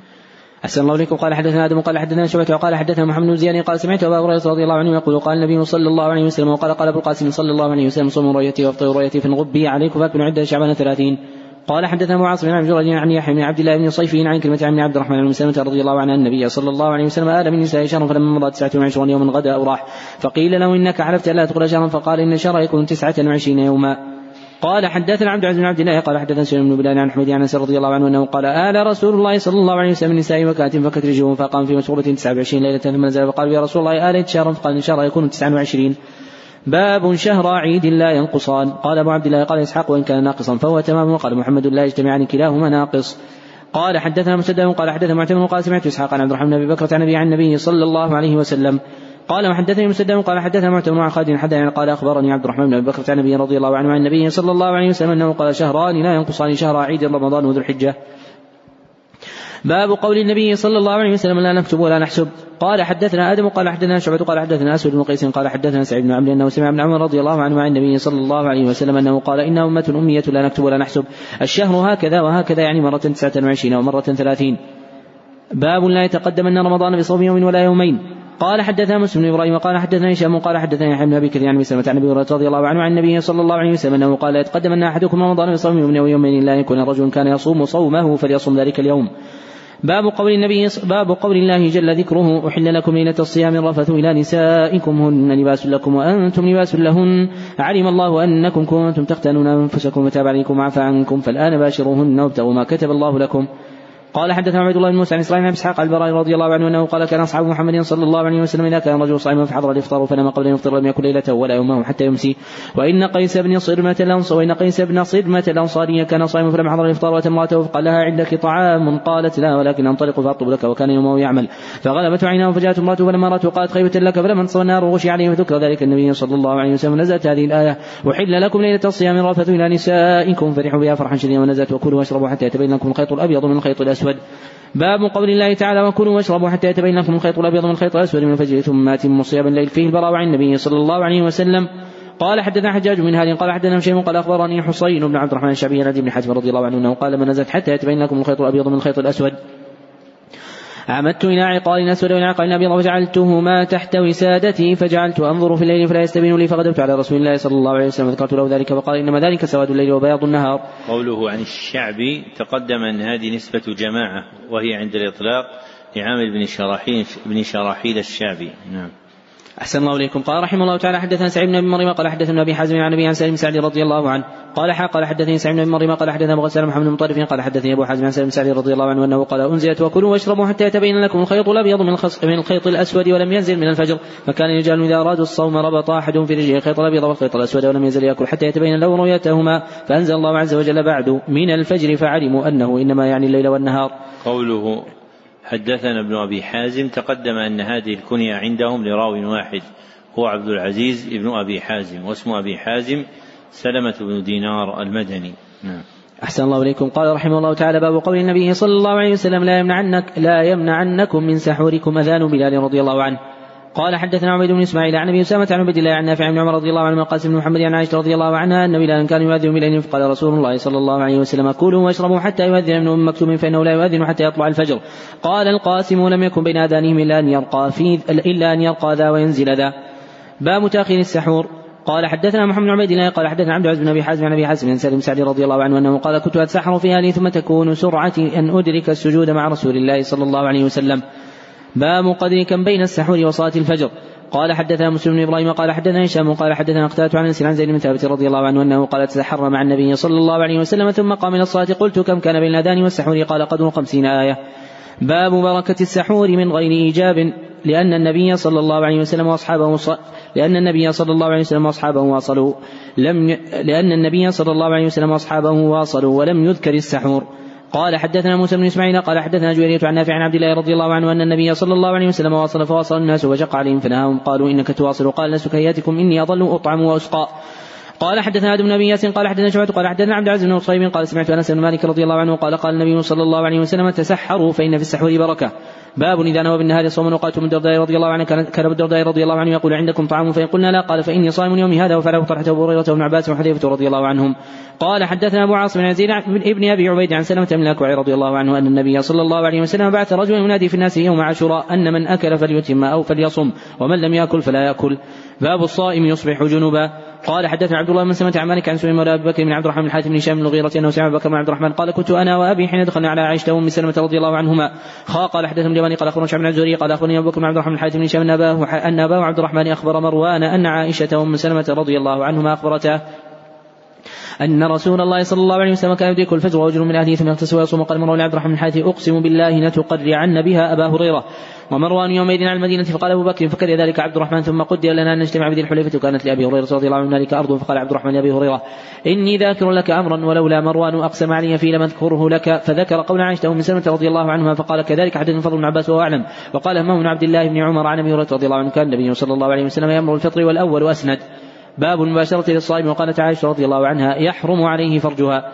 قال حدثنا سليمان بن حرب قال عن شعبة عن حكيم عن إبراهيم عن سوري عن عائشة رضي الله عنها قالت كان النبي صلى الله عليه وسلم قبل المباشر وهو صائم كان املككم لإربه صلى الله عليه وسلم. قال قال ابن عباس رضي الله عنهما مآرب حاجة وقال قال طاووس أولي الإربة الأحمق لا حاجة له في النساء. باب القبلة الصائم وقال جابر بن زيد إن نظر فأمنى يتم صومه. قال حدثنا محمد بن مثنى قال حدثني يحيى بن هشام قال أخبرني أبي عن عائشة رضي الله عنها عن النبي صلى الله عليه وسلم. قال وحدثنا عبد الله بن مسلمة عن عن هشام عن النبي عن عائشة رضي الله عنها قالت إن كان رسول الله صلى الله عليه وسلم يقبل بعض أزواجه وهو صائم ثم ضحكت. قال حدثنا مسدد قال حدثني عن هشام بن أبي عبد الله قال حدثني عن أبي كثير عن سلمة عن زينب بنت ابنة أم سلمة عن امها رضي الله عنها أنها قالت بينما أنا مع رسول الله صلى الله عليه وسلم في الخميلة الحقت فانسللت فاخذت ثياب حيضتي فقال ما لك أن فست قلت نعم. فدخلت معه في الخميلة كانت هي ورسول وكانت هي ورسول الله صلى الله عليه وسلم يغتسلان من نار واحد وكان يقبلها وهو صائم. باب اغتسال الصائم وبلى ابن عمر رضي الله عنهما ثوبا فألقاه عليه وهو صائم ودخل الشعبي الحمام وهو صائم وقال ابن عباس رضي الله عنه بأس يطعم القدر أو الشيء. وقال الحسن لا بأس بالمضاة والتبرد للصائم وقال ابن مسعود رضي الله عنه إذا كان صوم أحدكم فليصبح دهينا مترجلا وقال أنس رضي الله عنه. إن لي أبزن أتقحم فيه وأنا صائم ويذكر عن النبي صلى الله عليه وسلم أنه استاك وهو صائم. وقال ابن عمر رضي الله عنه ما يستاك أول النهار وآخرة لا يبلع ريقه. وقال عطاء رضي الله عنه ازدرد ريقه لا أقول يفطر وقال ابن سيرين لا بأس بالسواك الرطب. قيل له طعم قيل له طعم قال والماء له طعم وأنت تمضون به والمرأة الحسن وإبراهيم بالكحل الصائم بأسا. قال حدثنا أحمد بن صالح قال حدثنا ابن أبي قال حدثنا حدثنا يونس عن شهاب عن عروة وابي بكر قالت عائشة رضي الله عنها كان النبي صلى الله عليه وسلم يدرك الفجر في رمضان من غير حلم فيغتسل ويصوم. قال حدثني إسماعيل وقال حدثني مالك عن سليمان مولى بكر بن عبد الرحمن بن حاتم بن هشام بن مغيرة إنه سمع بكر بن عبد الرحمن قال كنت أنا وأبي فذهبت معه حتى دخلنا على عائشة رضي الله عنها قالت أشهد على رسول الله صلى الله عليه وسلم كان يصبح جنبا من جماع غير احتلام ثم يصومه ثم دخل على مسلمة رضي الله عنها فقالت مثل ذلك باب الصائم إذا أكل أو شرب ناسيا وقال عطاء استنثر ودخل الماء في حلقه لا بأس إن لم يملك وقال الحسن إن دخل حلقه الذباب فلا عليه وقال الحسن مجاهد إن جامع ناسيا فلا عليه. قال حدثنا عبدان وقال أخبرنا يزيد بن زرع قال حدثنا هشام قال حدثنا المسيري عن أبي هريرة رضي الله عنه عن النبي صلى الله عليه وسلم أنه قال إذا نسي فاكل وشرب فليتم صومه فانما اطعمه الله وسقاه. باب سواك الرطب واليابس للصائم ويذكر عن عام ربيعة أنه قال رأيت النبي صلى الله عليه وسلم استاك صائم ما لا أحصي وأعد وقال أبو هريرة رضي الله عنه عن النبي صلى الله عليه وسلم. لولا أن أشق على أمتي أمرت بالسواك عند كل وضوء ويروى نحو عن جابر وزيد بن خالد عن النبي صلى الله عليه وسلم ولم يخص الصائم من غيره وقالت عائشة رضي الله عن النبي صلى الله عليه وسلم طرت الفم مرضاة لربي وقال عطاء وقتلت يبتدع ريقه. قال حدثنا عبدان قال أخبرنا عبد الله قال أخبرنا معمر قال حدثني الزهري عن طيب بن يزيد عن حمران قال رأيت عثمان رضي الله عنه توضأ فأفرغ على يديه ثلاث ثم تمضى وسلم ثم غسل وجهه ثلاث ثم غسل يده اليمنى إلى المرفق ثلاثا ثم غسل يده اليمنى إلى المرفق ثلاثا ثم غسل يده اليسرى إلى المرفق ثلاثا ثم مسح براسه ثم غسل رجله اليمنى ثلاثا ثم اليسرى ثلاثا ثم قال رأيت رسول الله صلى الله عليه وسلم توضأ نحو وضوئي هذا توضأ نحو وضوئي هذا ثم قال من توضأ وضوئي هذا ثم يصلي ركعتين لا يحدث نفسه فيهما بشيء إلا غفر له ما تقدم من ذنبه. قوله عن حمران هذا الاسم عندهم عند الإطلاق هو لحمران بن أبان مولى عثمان بن عفان. لحمران بن أبان مولى عثمان بن عفان. وليس في رواة البخاري من اسمه حمران سواه. وليس في رواة البخاري من اسمه حمران سواه. نعم. أحسن الله إليكم. قال رحمه الله تعالى باب قول النبي صلى الله عليه وسلم إذا توضأ فليستنشق من خريه بمنخره من الماء ولم يميز بين الصائم وغيره. وقال الحسن رحمه الله تعالى بس بالصعب الصائم. إن لم يصل إلى حلقه ويكتحل وقال عطاء رحمه الله تعالى تمضمض ثم أفرغ ما فيه ثم أفرغ ما في فيه من الماء لا يضيره. إن لم يزدرد ريقا وماذا بقي في وماذا بقي في فيه ولا يمضغ ولا يمضغ العنك فإن ازدرد ريق العنك لا أقول إنه يفطر. ولكن ينهى عنه فإن استنثر ودخل معه حلقه ولا بس لم يملك. باب إذا جامع في رمضان ويذكر عن أبي هريرة رضي الله عنه رفعه من أفطر يوم من رمضان من غير عذر ولا مرض لم يقضي صيام الدهر من صامه وقال ابن مسعود وقال سعيد بن المسيب والشعبي وابن جبير وابراهيم وقتاد وحماد يقضي يوما مكانه. قال حدثنا عبد الله بن منير ابن منير أنه سمع يزيد بن هارون قال حدثنا يحيى بن سعيد بن عبد الرحمن القاسم أخبره عن محمد جابر بن الزبير بن العوام بن خويلد عن عباد بن عبد الله بن الزبير أنه أخبره أن سمع عائشة رضي الله عنها تقول إن رجلا أتى النبي صلى الله عليه وسلم فقال إنه احترق. قال ما لك؟ قال أصبت في رمضان. فأتي النبي صلى الله عليه وسلم يكتني ويدعى العرق. فقال أين المحترق؟ قال أنا. قال تصدق بهذا. قوله عن عباد بن عبد الله كل ما وقع بهذا الرسم فهو بفتح العين والباء مشددة عباد. إلا في راو واحد وقع عباد وهو قيس بن عباد الضبعي. الثاني صح. والآخر ثعلب بن عباد. اثنان. قيس بن عباد وثعلب بن عباد. نعم. لكن قيس بن عباد هو الذي له رواية في الستة عند مسلم. يعني عباد وعباد وعباد أحسنت. ليس في رواتهم من هو بضم العين سوى قيس بن عباد الضبعي. من رواة مسلم. وأما ثعلب فهو ثعلب ابن عباد بكسر العين. والباقي عباد. نعم. أحسن الله إليكم. قال رحمه الله تعالى باب إذا جمع في رمضان لم يكن له شيء ومع, ومع الهاء فالأصل عبادة إلا محمد بن عبادة الواسطي. نعم. أحسن الله إليكم. قال رحمه الله تعالى باب إذا جمع في رمضان ولم يكن له شيء فتصدق عليه فليكفر. قال حدثنا لمن قال أخبرنا شعب بن قال أخبرني محمد بن عبد الرحمن هريرة رضي الله عنه قال بينما نحن جلوس عند النبي صلى الله عليه وسلم جاءه رجل قال يا رسول الله نكتب قال ما لك قال وقعت في امرأتي وأنا صائم. قال رسول الله صلى الله عليه وسلم تجد رقبة تعتقها. قال لا. قال فهل تستطيع أن تصوم شهرين متابعين قال لا. قال فهل فقال فهل تجد يطعم ستين مسكينا؟ قال لا. قال فما كث النبي ما كث النبي صلى الله عليه وسلم فبين نحن على ذلك أوتي النبي صلى الله عليه وسلم بعرق فيها تمر والعرق المكتل. قال سألوا فقال أنا. قال خذها فتصدق به. فقال الرجل أعلى أفقر مني يا رسول الله. فوالله ما بين بيتي يريد الحرتين. أهل بيت أفقر من أهل بيتي. فضحك النبي صلى الله عليه وسلم حتى بدت أنيابه ثم قال أطعموا أهلك.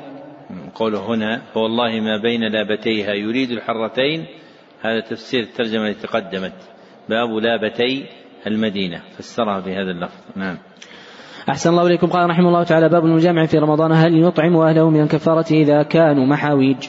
قال حدثنا عثمان بن يوسف قال حدثنا جرير عن منصور عن زوري عن حميد بن عبد الرحمن بن رضي الله عنه قال جاء رجل النبي صلى الله عليه وسلم فقال إن الآخر وقع امراته في رمضان فقال تجد ما تحرر الرقبة. قال لا قال فتستطيع أن تصوم شهر متابعين قال لا قال فتجد ما تطعم به ستين مسكينا. قال لا قال فأتي النبي صلى الله عليه وسلم بعرق فيه تمر والزبيل. قال أطعم هذا عنك. قال على احوج منا ما بين لبتها أهل بيت احوج منا. قال فاطعموا أهلك.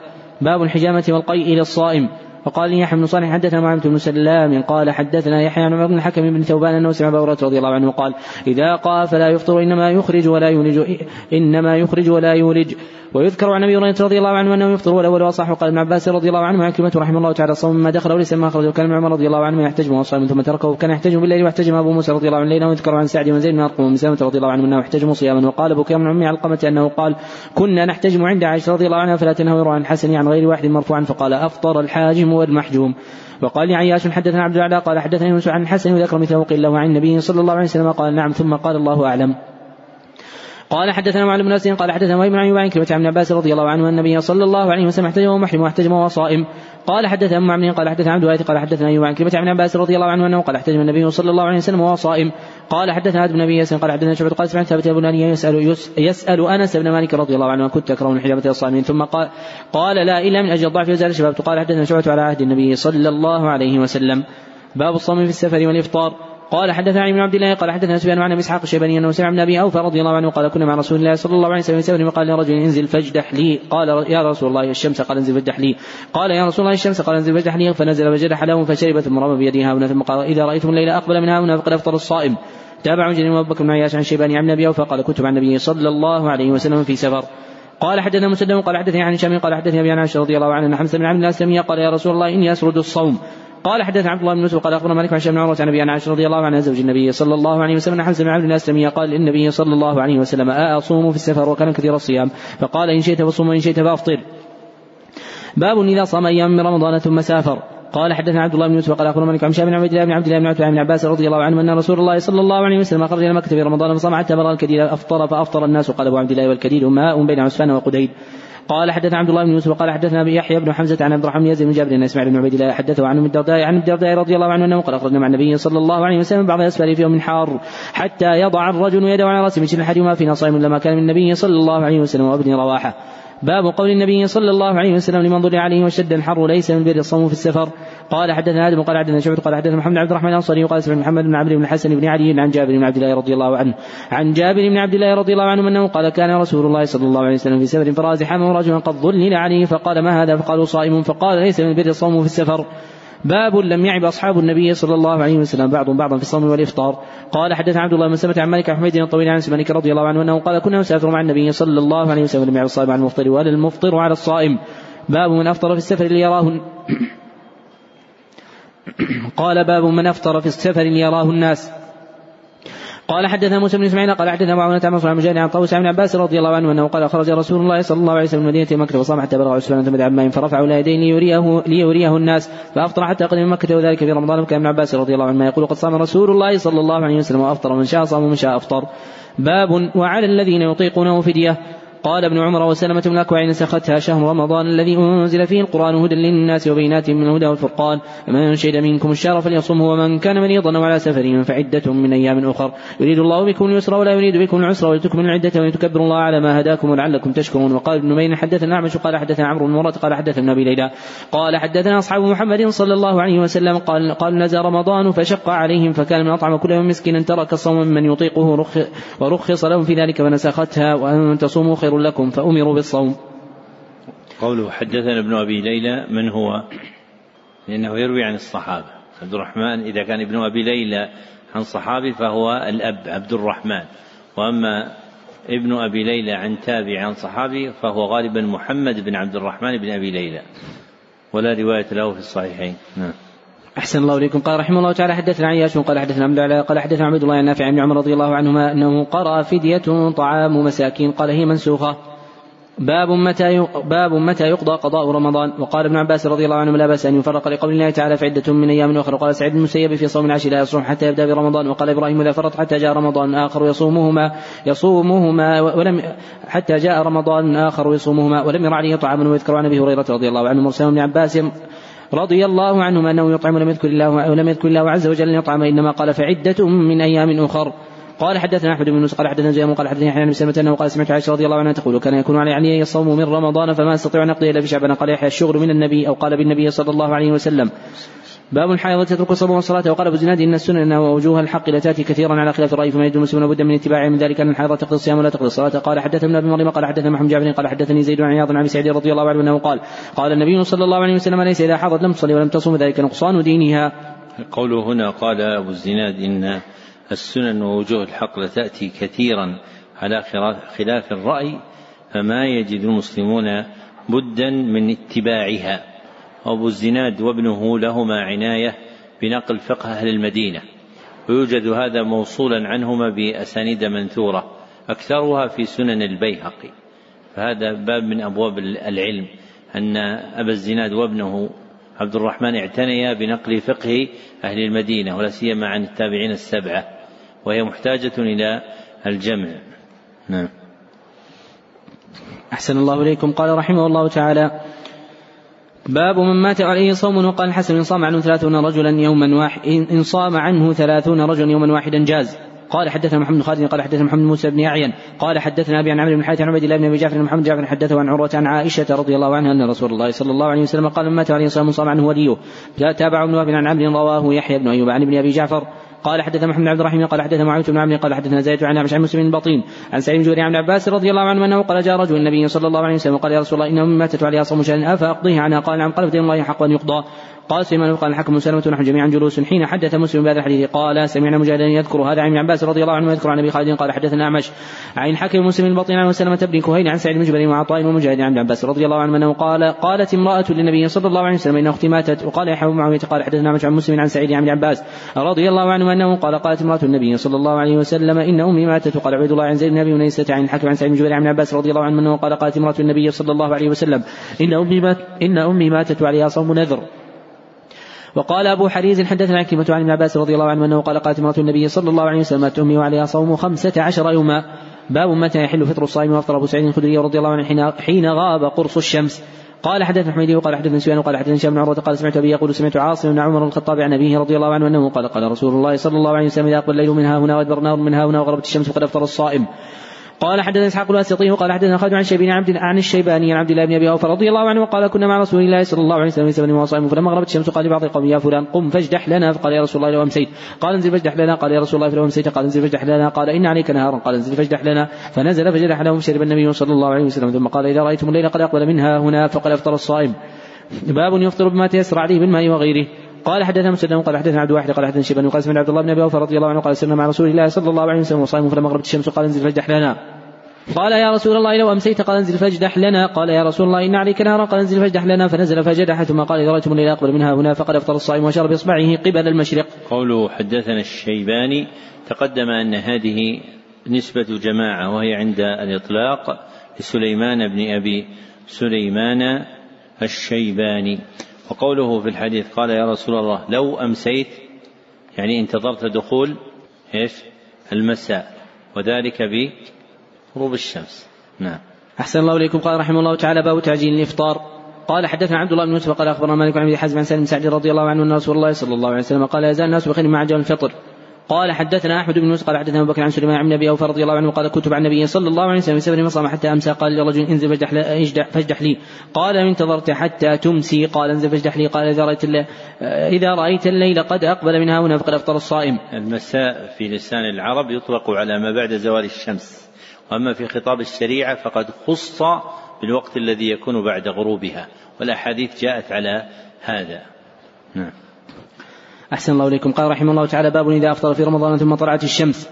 قال حدثني عبد الله بن أبي شيبه قال حدثنا مسلمة عن شام عروة وعن عن فاطمة عن أسماء بنت أبي بكر رضي الله عنهما أنها قالت أفطرنا على عهد النبي صلى الله عليه وسلم غيم ثم طلعت الشمس وقيل لهشام فأمروا بالقضاء. قال بد من قضاء. وقال معمر سمعت هشاما قال لا أدري أقضوا أم لا. قوله حدثنا أبو أسامة تقدم أن هذه الكنية عندهم مع الإطلاق هي لأبي أسامة الكوفي واسمه حماد بن أسامة. وشيخ البخاري هنا عبد الله بن أبي شيبة هو من؟ أبو بكر هو أبو بكر.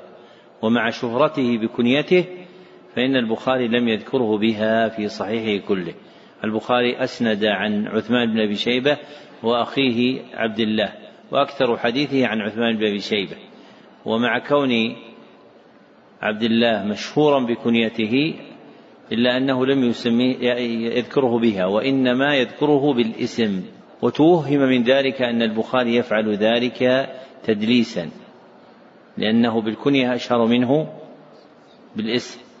ومن ذخائر الإفادات من كلام ابن القيم في إغاثة اللهفان أنه قال في كلام الله قال فالبخاري أبعد خلق الله عن التدليس. فالبخاري أبعد خلق الله عن التدليس. انتهى كلامه. فالحامل له أنه ذكره باعتبار ما اشتهر له هو. كان مشهور عنده باسم عبد الله وإن كان عند غيره مشهورا بكنيته. نعم.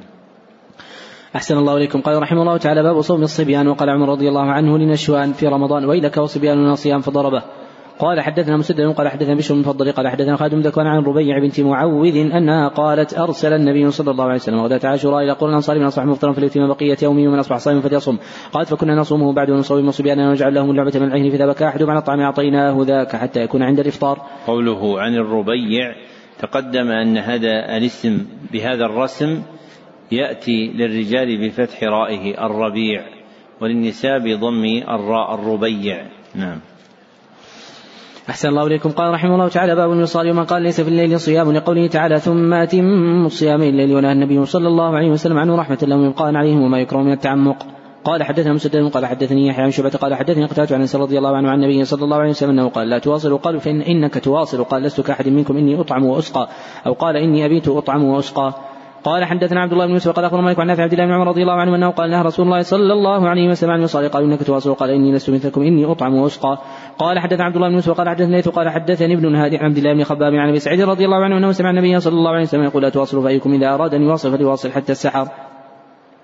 قالوا فإنك تواصل يا رسول الله. قال إني لست كياتكم. إني أبيت لي مطعم يطعمني وساق يسقين. قوله حدثني ابن الهاد. هذه الكنية عندهم عند الإطلاق هي يزيد بن عبد الله بن الهاد المدني. نعم. أحسن الله إليكم. قال حدث عثمان بن شيبة ومحمد قال أخبرنا عبدة عن شمع عن أبي عائشة رضي الله عنها قالتنا رسول الله صلى الله عليه وسلم المصائر رحمة لهم فقالوا فإنك تواصل. قال إن لست كهياتكم إني يطعمني ربي ويسقي لم يذكر عثمان رحمة لهم. قوله أخبرنا عبدة تقدم أن هذا الاسم بسكون الباء إلا في راويين. أحدهما بجالة بن عبدة التميمي والآخر عامر بن عبدة البجلي وذكر في الثاني سكون بائه أيضا. نعم. أحسن الله إليكم. قال رحمه الله تعالى باب التنكيل من أكثر الوصال. رواه أنس عن النبي صلى الله عليه وسلم. قوله باب التنكيل أي إنزال العقوبة. إنزال العقوبة وإيقاعها. نعم. أحسن الله إليكم. قال حدثنا أبو اليماني قال أخبرنا شعيب بن الزهري قال حدثني أبو سلمة بن عبد الرحمن أن أبا هريرة رضي الله عنه قال نهى رسول الله صلى الله عليه وسلم عن المصالح الصوم فقال له رجل من المسلمين إنك تواصل يا رسول الله. قال وأيكم مثلي؟ إني أبيت ويطعمني ربي ويسقيني. فلما أبوا ينتهوا عن المصالح وصل بهم يوما ثم يوما ثم رأوا الهلال فقال لو تأخر لزدتكم كالتنكير لهم حين أبوا ينتهوا. قال حدثنا يحيى قال حدثنا عبد الرزاق عن من همام إنه سمع هريرة رضي الله عنه عن النبي صلى الله عليه وسلم أنه قال إياكم الوصال قالها مرتين قيل فانك تواصل. قال إني أبيت يطعمني ربي ويسقيني فاكلفوا من العمل ما تطيقون. باب الوصال إلى السحر. قال حدثني إبراهيم بن حمزة قال حدثني ابن أبي حازم عن يزيد عن عبد الله بن خباب بن عمرو الخدري رضي الله عنه أنه سمع رسول الله صلى الله عليه وسلم يقول لا تواصلوا فأيكم اراد ان يواصل فليواصل حتى السحر. قالوا فإنك تواصل يا رسول الله. قال لست كهيئتكم اني أبيت لي مطعم يطعمني وساق يسقين. باب من أقسم على أخيه يفطر في التطوع ولم عليه قضاء إذا كان أوفق له. قال حدثنا محمد بن قال حدثنا جعفر بن عون قال حدثنا أبو العميس عن عون النبي جعفر عن النبي رضي الله عنه قال اخى النبي صلى الله عليه وسلم سلمان وابي الدرداء فزار سلمان وابي الدرداء فراى أم الدرداء أم الدرداء متبذلة. فقال لا ما شأنك؟ قالت أخوك أبو الدرداء ليس له حاجة في الدنيا فجاء أبو الدرداء رضي الله عنه فصنع له طعاما فقال كل قال فإني صائم. قال ما أنا بآكل حتى تأكل؟ قال فأكل فلما كان الليل ذهب أبو الدرداء رضي الله عنه يقوم قال نم. فنام ثم ذهب يقوم فقال نم. فلما كان من آخر الليل قال سلمان قم الآن فصلى فقال له سلمان إن لربك عليك حقا ونفسك عليك حقا ولأهلك عليك حقا فأعطي كل ذي حق حقه. فأتى النبي صلى الله عليه وسلم ذكر ذلك له فقال النبي صلى الله عليه وسلم صدق سلمان باب صوم شعبان. قال حدثنا عبد الله بن يوسف قال أخبرنا مالك عن ابن عن سلمة عن عائشة رضي الله عنها أنها قالت كان رسول الله صلى الله عليه وسلم يصوم حتى نقول لا يفطر ويفطر حتى نقول لا يصوم فما رأيت رسول الله صلى الله عليه وسلم استكمل صيام شهر الا رمضان وما رايته أكثر صياما منه في شعبان. قال حدثنا معاذ بن فضالة قال حدثنا هشام عن يحيى بن سلمة ان عائشة رضي الله عنها حدثته أنها قالت لم يكن النبي صلى الله عليه وسلم يصوم شهرا أكثر من شعبان فإنه كان يصوم شعبان كله وكان يقول خذوا من العمل ما تطيقون فإن الله لا يمل حتى تملوا. وأحب الصلاة إلى النبي صلى الله عليه وسلم ما دوم عليه وإن قلت وإذا وكان إذا صلى صلاة داوم عليها. باب ما يذكر من صوم النبي صلى الله عليه وسلم وإفطاره. قوله باب ما يذكر تقدم أن هذه الترجمة من أمهات التراجم عنده. ذكرها بهذا اللفظ في أربعة عشر موضعا وذكرها بلفظ باب ما ذكر في سبعة مواضع وذكرها بلفظ باب ذكر في ثلاثين موضعا. نعم. أحسن الله إليكم. قال رحمه الله تعالى حدثنا موسى بن إسماعيل قال حدثنا أبو عمرو عن بشر عن سعيد بن عباس رضي الله عنه أنه قال ما صام النبي صلى الله عليه وسلم شهرا كاملا قط غير رمضان ويصوم حتى يقول القائل لا والله لا يفطر ويفطر حتى يقول القائل لا والله لا يصوم قال حدثني عبد العزيز بن عبد الله قال حدثني محمد جابر بن حميد انه سبحانه رضي الله عنه يقول كان رسول الله صلى الله عليه وسلم يفطر من شاء حتى نظن أن لا يصوم منه ويصوم حتى نظن أن لا يفطر منه شيئا وكان لا تشاء تراه من الليل مصليا إلا رأيته ولا نائما إلا رأيته وقال سليمان بن حميد إنه سأل أنس رضي الله عنه في الصوم.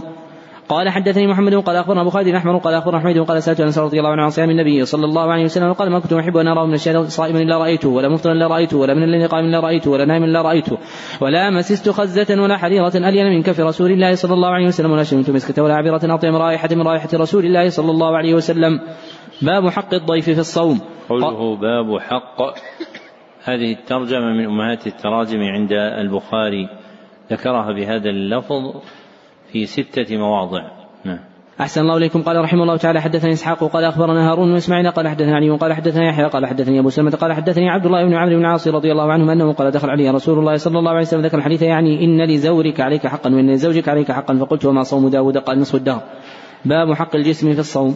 قال حدثنا مقاتل قال أخبرنا عبد الله قال أخبرنا مزعي قال حدثني احمد بن أبي كثير قال حدثني أبو سلمة بن عبد الرحمن قال حدثني عبد الله بن عبد العاص رضي الله عنهما قال قال لي رسول الله صلى الله عليه وسلم يا عبد الله ألم اخبر أنك تصوم النار وتقوم الليل؟ فقلت بلى يا رسول الله. قال فلا تفعل صم وأفطر وقم ونم فإن لجسدك عليك حقا وان عينك عليك حقا وان زوجك عليك حقا وان زوجك عليك حقا وإن بحسبك أن تصوم كل شيء ثلاثة أيام فان لك بكل حسنة عشر أمثالها فإن ذلك صيام الدهر كله. فشددت فشدد علي قلت يا رسول الله إني أجد قوة. قال فصوم صيام نبي الله داود عليه السلام.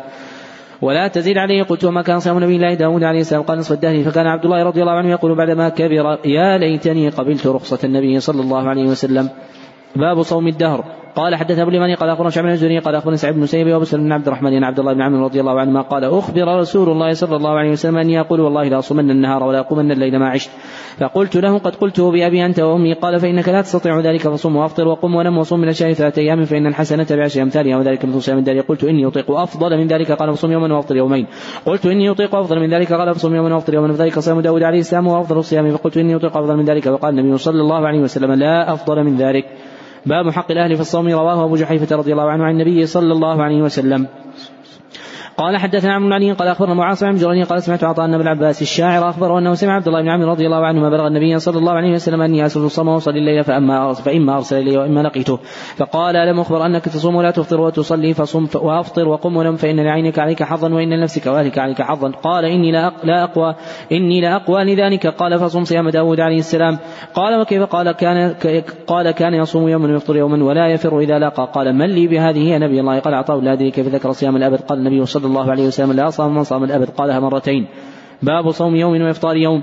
قال حدثنا محمد بن بشار قال حدثنا غدر قال حدثنا شعبة عن مغيرة قال سمعت مجاهد عبد الله بن عمر رضي الله عنه عن النبي صلى الله عليه وسلم وقال صم شهر ثلاثة أيام. قال أطيق أكثر من ذلك. ومن زاد حتى قال صم يوما وافطر يوما. قال اقرأ القرآن في كل شهر. قال إني أطيق أكثر من ذلك. ومن زاد حتى قال في ثلاث.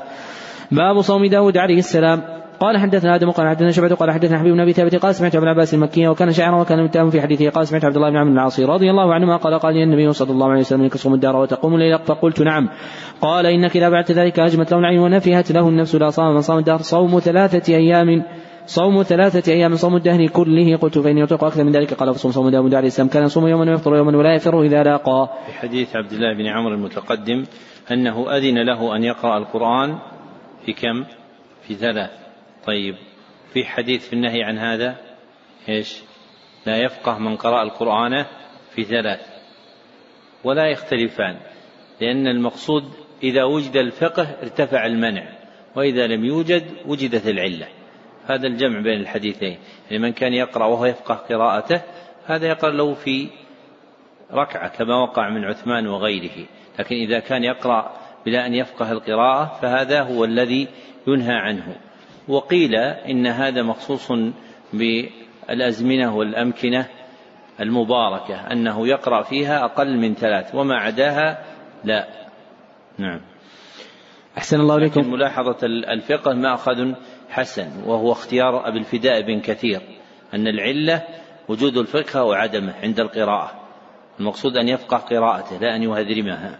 ليس المقصود أن يفهم معاني ما يقرأ فهما كاملا إنما يفقه أنه يقرأ أحرفا يؤديها أداء صحيحا. نعم. أحسن الله إليكم. قال رحمه الله تعالى حدثني إسحاق الواسطي وقال حدثنا خالد عن خالد عن أبي قلابة قال أخبرني أبو المليح قال دخلت مع أبي كان عبد الله بن عمرو رضي الله عنهما فحدثنا أن رسول الله صلى الله عليه وسلم ذكر له صومي فدخل عليه فلقيت له وسادة من أدم حشوها أليف فجلس على الأرض وصارت وسادة بيني وبينه فقال ما يكفيك من كل شيء ثلاثة أيام؟ قال قلت يا رسول الله قال خمسا قلت يا رسول الله قال سبعا قلت يا رسول الله قال تسعا قلت يا رسول الله قال إحدى عشرة ثم قال النبي صلى الله عليه وسلم لا صوم فوق صوم داود عليه السلام شطر الدهر يصوم يوما وأفطر يوما باب صيام أيام البيض ثلاث عشرة وأربع عشرة وخمس عشرة. قال حدثنا معمر قال حدثنا عبد الوارث قال حدثنا متياح قال حدثني أبو عثمان عن أبي هريرة رضي الله عنه قال أوصاني خليلي صلى الله عليه وسلم بثلاث صيام ثلاث أيام من كل شهر وركعتي الضحى وأن أوتر قبل أن أنام. باب من زار قوما فلم يفطر عندهم. قال حدثنا محمد بن مثنى قال حدثني خالد بن الحارث قال حدثنا احمد بن انس رضي الله عنه قال دخل النبي صلى الله عليه وسلم على ام سليم فاتته بتمر وسمن قال اعيدوا سمنكم في سقائه وتمركم في وعائه فاني صائم. ثم قام لناحية من البيت فصلى غير المكتوبة فدعا لام سليم واتي بيتها فقالت ام يا رسول الله ان لي خوي ان لي خوي خويصة قال ما هذه؟ قالت خ... أحسن الله إليكم قال إن لي خويصة خويصة قال ما, ما هي؟ قالت خادمك أنس. فما ترك خير فما ترك خير آخرة ولا دنيا إلا دعاني به. قال اللهم ارزقه مالا ولدا وبارك له فإني لمن أكثر الأنصار مالا وحدثت ابنتي أمينة أنه دفن لصلبه مقدم حجاج البصرة بضع وعشرون مئة. قال حدثنا ابن مريم قال اخبرني يحيى قال حدثني حميد بن سبحانه رضي الله عنه عن النبي صلى الله عليه وسلم. باب الصوم آخر الشهر. قال حدثنا بن محمد قال حدثنا مهدي عن غيلان قال وحدثنا ابن نعمان قال حدثنا مهدي بن ميمون قال حدثنا غيلان بن جرير عن مطرف عمران بن حسين رضي الله عنه عن النبي صلى الله عليه وسلم أنه سأله وقال سأل رجلا وعمران يسمع فقال يا أبا فلان أما صمت سرر هذا الشهر؟ قال أظنه قال يعني رمضان. قال رجل يا رسول الله قال فإذا أفطرت فصوم يومين لم يقل الصلت أظنه يعني رمضان. قال أبو عبد الله وقال ثابت عن مطرف عمران رضي الله عنه عن النبي صلى الله عليه وسلم قال من من سرر شعبان. باب صوم يوم الجمعة فإذا أصبح صائما يوم الجمعة فعليه أن يفطر. قال حدثنا أبو عاصم بن جريج عن عبد الحميد بن جبير عن محمد بن عباد قال سال جابر رضي الله عنه قال نهى النبي صلى الله عليه وسلم عن صوم يوم الجمعة. قال نعم زاد غير ابي عاصم أن ينفرد بصوم. قال حدثنا عمرو بن حفص بن غياث قال حدثنا أبي قال حدثنا عمش قال حدثنا أبو صالح عن أبي هريرة رضي الله عنه قال سمعت النبي صلى الله عليه وسلم يقول لا يصومن أحدكم يوم الجمعة إلى يوم قبله أو بعده. قال حدثنا مسلم قال حدثني عن شعبة حاق قال وحدثني محمد قال حدثنا أبو قال حدثنا شعبة عن قتادة عن أبي عن جويرية بنت الحارث رضي الله عنها النبي صلى الله عليه وسلم دخل عليه يوم الجمعة وهي صائمة. فقال أصمت أمس؟ قالت لا. قال تريدين أن تصومين غدا؟ قالت لا. قال فأفطري. وقال أحمد بن جعلي أنه سمع قتادة. قال حدثني أبو أيوب عن جويرية حدثته فأمرها فأفطرت. باب هل يخص شيئا من الأيام؟ قال حدثنا مسدد قال حدثنا يحيى بن سفيان عن منصور إبراهيم قال أنه قال قلت لعائشة رضي الله عنها كان رسول الله صلى الله عليه وسلم يختص من الأيام شيئا قالت لا. كان عمله ديمة ويكن يطيق ما كان رسول الله صلى الله عليه وسلم يطيق. باب صوم يوم عرفة. قال حدثنا مسدد قال حدثنا باب صوم يوم عرفة. هذا تقدم معنا في الحج. ولا لا؟ اللي مع نسخة كاملة يراجعها أذكر تقدم معنا باب صوم يوم عرفة. أحد مع نسخة كاملة؟ كتاب الحج. موجود ها؟ يعني هذا من طرائق البخاري أنه يكرر أيضا الترجمة أنه يكرر أيضا الترجمة. مكررات البخاري ثلاثة أنواع النوع الأول التراجم والنوع الثاني المتون والنوع الثالث الأسانيد مع المتون. المقصود بالنوع الثالث أنه يعيد الحديث نفسه بالإسناد. ووقع هذا في نحو عشرين موضعا. في نحو عشرين موضعا. منها حديث أبي هريرة رضي الله عنه.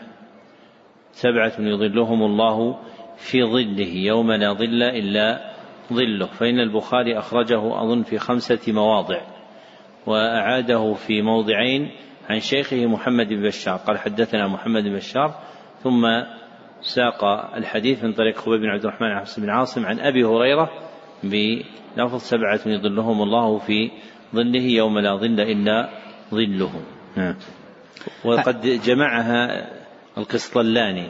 القسطلاني ذكر تلك الأحاديث التي بأسانيدها ومتونها أعادها البخاري. يعني من أول الإسناد إلى آخره. نفس الإسناد تكرر. هذا في عشرين موضع تقريبا. نعم. أحسن الله إليكم. قال رحمه الله تعالى باب صوم يوم عرفة. قال حدثنا مسدد قال حدثني عن مالك قال حدثني سالم قال حدثني عمير مولى أم الفضل أن أم الفضل حدثته قال وحدثنا عبد الله بن يوسف قال أخبر مالك عن ابن مولى عمر بن عبد الله عن عمير مولى عبد الله بن عباس.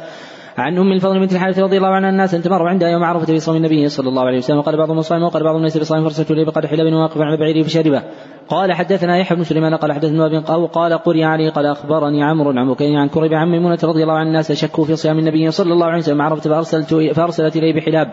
وواقف في الموقف فشرب منه والناس ينظرون. باب صوم يوم الفطر. قال حدثنا عبد الله بن يوسف قال أخبرنا مالك عن بن عبيد مولى ابن ابن أزهر قال شئت بعيد مع عمر الخطاب رضي الله عنه فقال هذان يومان نهى رسول الله صلى الله عليه وسلم عن صيامهما عن صيام يوم فطركم من صيامكم واليوم الآخر تأكلون فيه من نسككم.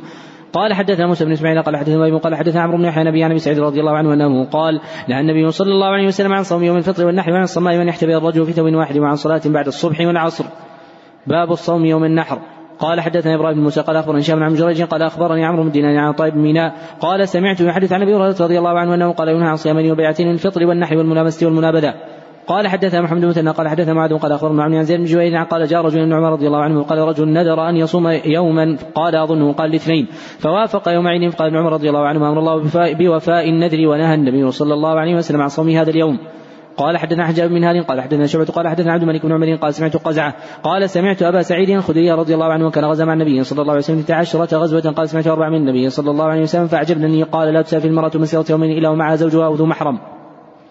ولا صوم في يوم الفطر ولا أضحى ولا صلاه بعد الصبح حتى تطلع الشمس ولا بعد العصر حتى تغرب ولا تشد الرحال إلا إلى ثلاث مساجد مسجد الحرام مسجد الاقصى ومسجد هذا.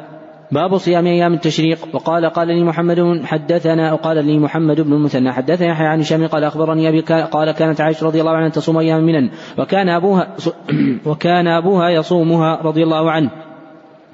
قال حدثنا محمد بن قال حدثنا غدام قال حدثنا شعبة قال سمعت عبد الله بن عيسى عن زهري عن عمر عن رضي الله عنه سمع عن عمر رضي الله عنه قال لم يرخص في التشريق أن يصمن إلا لمن لم يجد الهدي. قال حدثنا عبد الله بن يوسف قال أخبرنا مالك عن هشام بن عبد الله بن عمر عن عمر رضي الله عنه أنه قال الصيام لمن تمتع بالعمره الحج إلى يوم إلى يوم عرفة فإن لم يجد هديا ولم يصم صام اياما منا. وعن هشام بن عمرة عن عائشة رضي الله عنها فذكر مثله تابعه إبراهيم بن سعد عن ابن شهاب. باب صيام يوم عاشوراء. قال حدثنا ابو عاصم عن عمر بن محمد عن سمع النبي رضي الله عنه أنه قال قال النبي صلى الله عليه وسلم يوم عاشوراء إن شاء صام. قال حدثنا اليماني قال أخبرنا شعيب بن الزهري قال أخبرني عمرو بن زبير عائشه رضي الله عنها قالت كان رسول الله صلى الله عليه وسلم أمر بصيام يوم عاشوراء فلما فرض رمضان كان من شاء صام ومن شاء أفطر. قال حدثنا عبد الله بن مسلمة عن مالك عن شمع عروة عن أبي عائشة رضي الله عنها قالت كان يوم عاشوراء تصوم واخرج بالجارية وكان رسول الله صلى الله عليه وسلم يصوم فلما قدم المدينة صام وأمر صيامه فلما فرض رمضان ترك يوم عاشوراء فمن شاء صام ومن شاء تركه. قال حدثنا عبد الله بن سلمة عن مالك عن شاب أحمد بن عبد الرحمن انه سمع معاوية بن أبي سفيان رضي الله عنهما يوم عاشوراء عام حج عن المنبر. يقول يا أهل المدينة أين علماؤكم؟ سمعت رسول الله صلى الله عليه وسلم يقول هذا يوم عاشوراء ولم يكتب عليكم ولم يكتب عليكم صيامه وأنا صائم فمن شاء فليصوم من شاء فليفطر. قال حدثنا أبو معمر قال حدثنا عبد الوارث قال حدثنا أيوب قال حدثنا عبد الله بن سعيد ابن سعيد بن جبير عن ابي عن عباس رضي الله عنه أنه قال قدم النبي صلى الله عليه وسلم المدينة فر اليهود تصوم يوم يوم عاشوراء. فقال ما هذا؟ قال قالوا هذا يوم صالح هذا يوم نجى الله بني إسرائيل من عدوهم فصامه موسى عليه الصلاة والسلام. قال فأنا حق موسى عليه الصلاة والسلام منكم فصامه وأمر بصيامه. قال حدثنا علي بن عبد الله قال حدثنا مسلمة عن أبي عميس عن قيس بن مسلم عن طارق بن شبع النبي موسى رضي الله عنه أنه قال يوم عاشوراء تعود اليهود عيدا. قال النبي صلى الله عليه وسلم فصوموه أنتم. قوله عن أبي عميس تقدم أن هذه الكنية أبو عميس ويقال أبو العميس هي لراو واحد عندهم يذكر بها كثيرا. وهو عتبة بن عبد الله ابن عتبة بن عبد الله ابن مسعود الهذلي. نعم. أحسن الله إليكم. قال رحمه الله تعالى حدثنا عبيد الله بن موسى عن ابن عمية عن عبيد الله بن أبي زياد أي ابن أبي يزيد عن ابن عباس رضي الله عنه أنه قال ما رأيت النبي صلى الله عليه وسلم يتحرى صيام يوم فضله على غيره إلى هذا اليوم يوم عاشوراء وهذا الشهر يعني شهر رمضان. قال حدثنا المكي بن إبراهيم قال حدثنا يزيد عن سلمة بن الاكوع رضي الله عنه أنه قال أمر النبي صلى الله عليه وسلم رجلا من أسلم. ان اذن في الناس أن من كان أكل فليصم بقية يومه ومن لم يكن أكل فليصم فإن اليوم يوم عاشوراء. باب فضل من قام رمضان. قال حدثنا يحيى بن بكير قال حدثنا الليث عن قال شامي قال أخبرني مسلمة ان ابا رضي الله عنه قال سمعت رسول الله صلى الله عليه وسلم يقول رمضان من قامه إيمانا واحتسابا غفر له ما تقدم من ذنبه. قال حدثنا عبد الله بن يوسف قال أخبرنا مالك عن شاب بن أحمد بن عبد الرحمن هريره رضي الله عنه أن رسول الله صلى الله عليه وسلم قال من قام رمضان إمام حسام غفر له ما تقدم من ذنبه.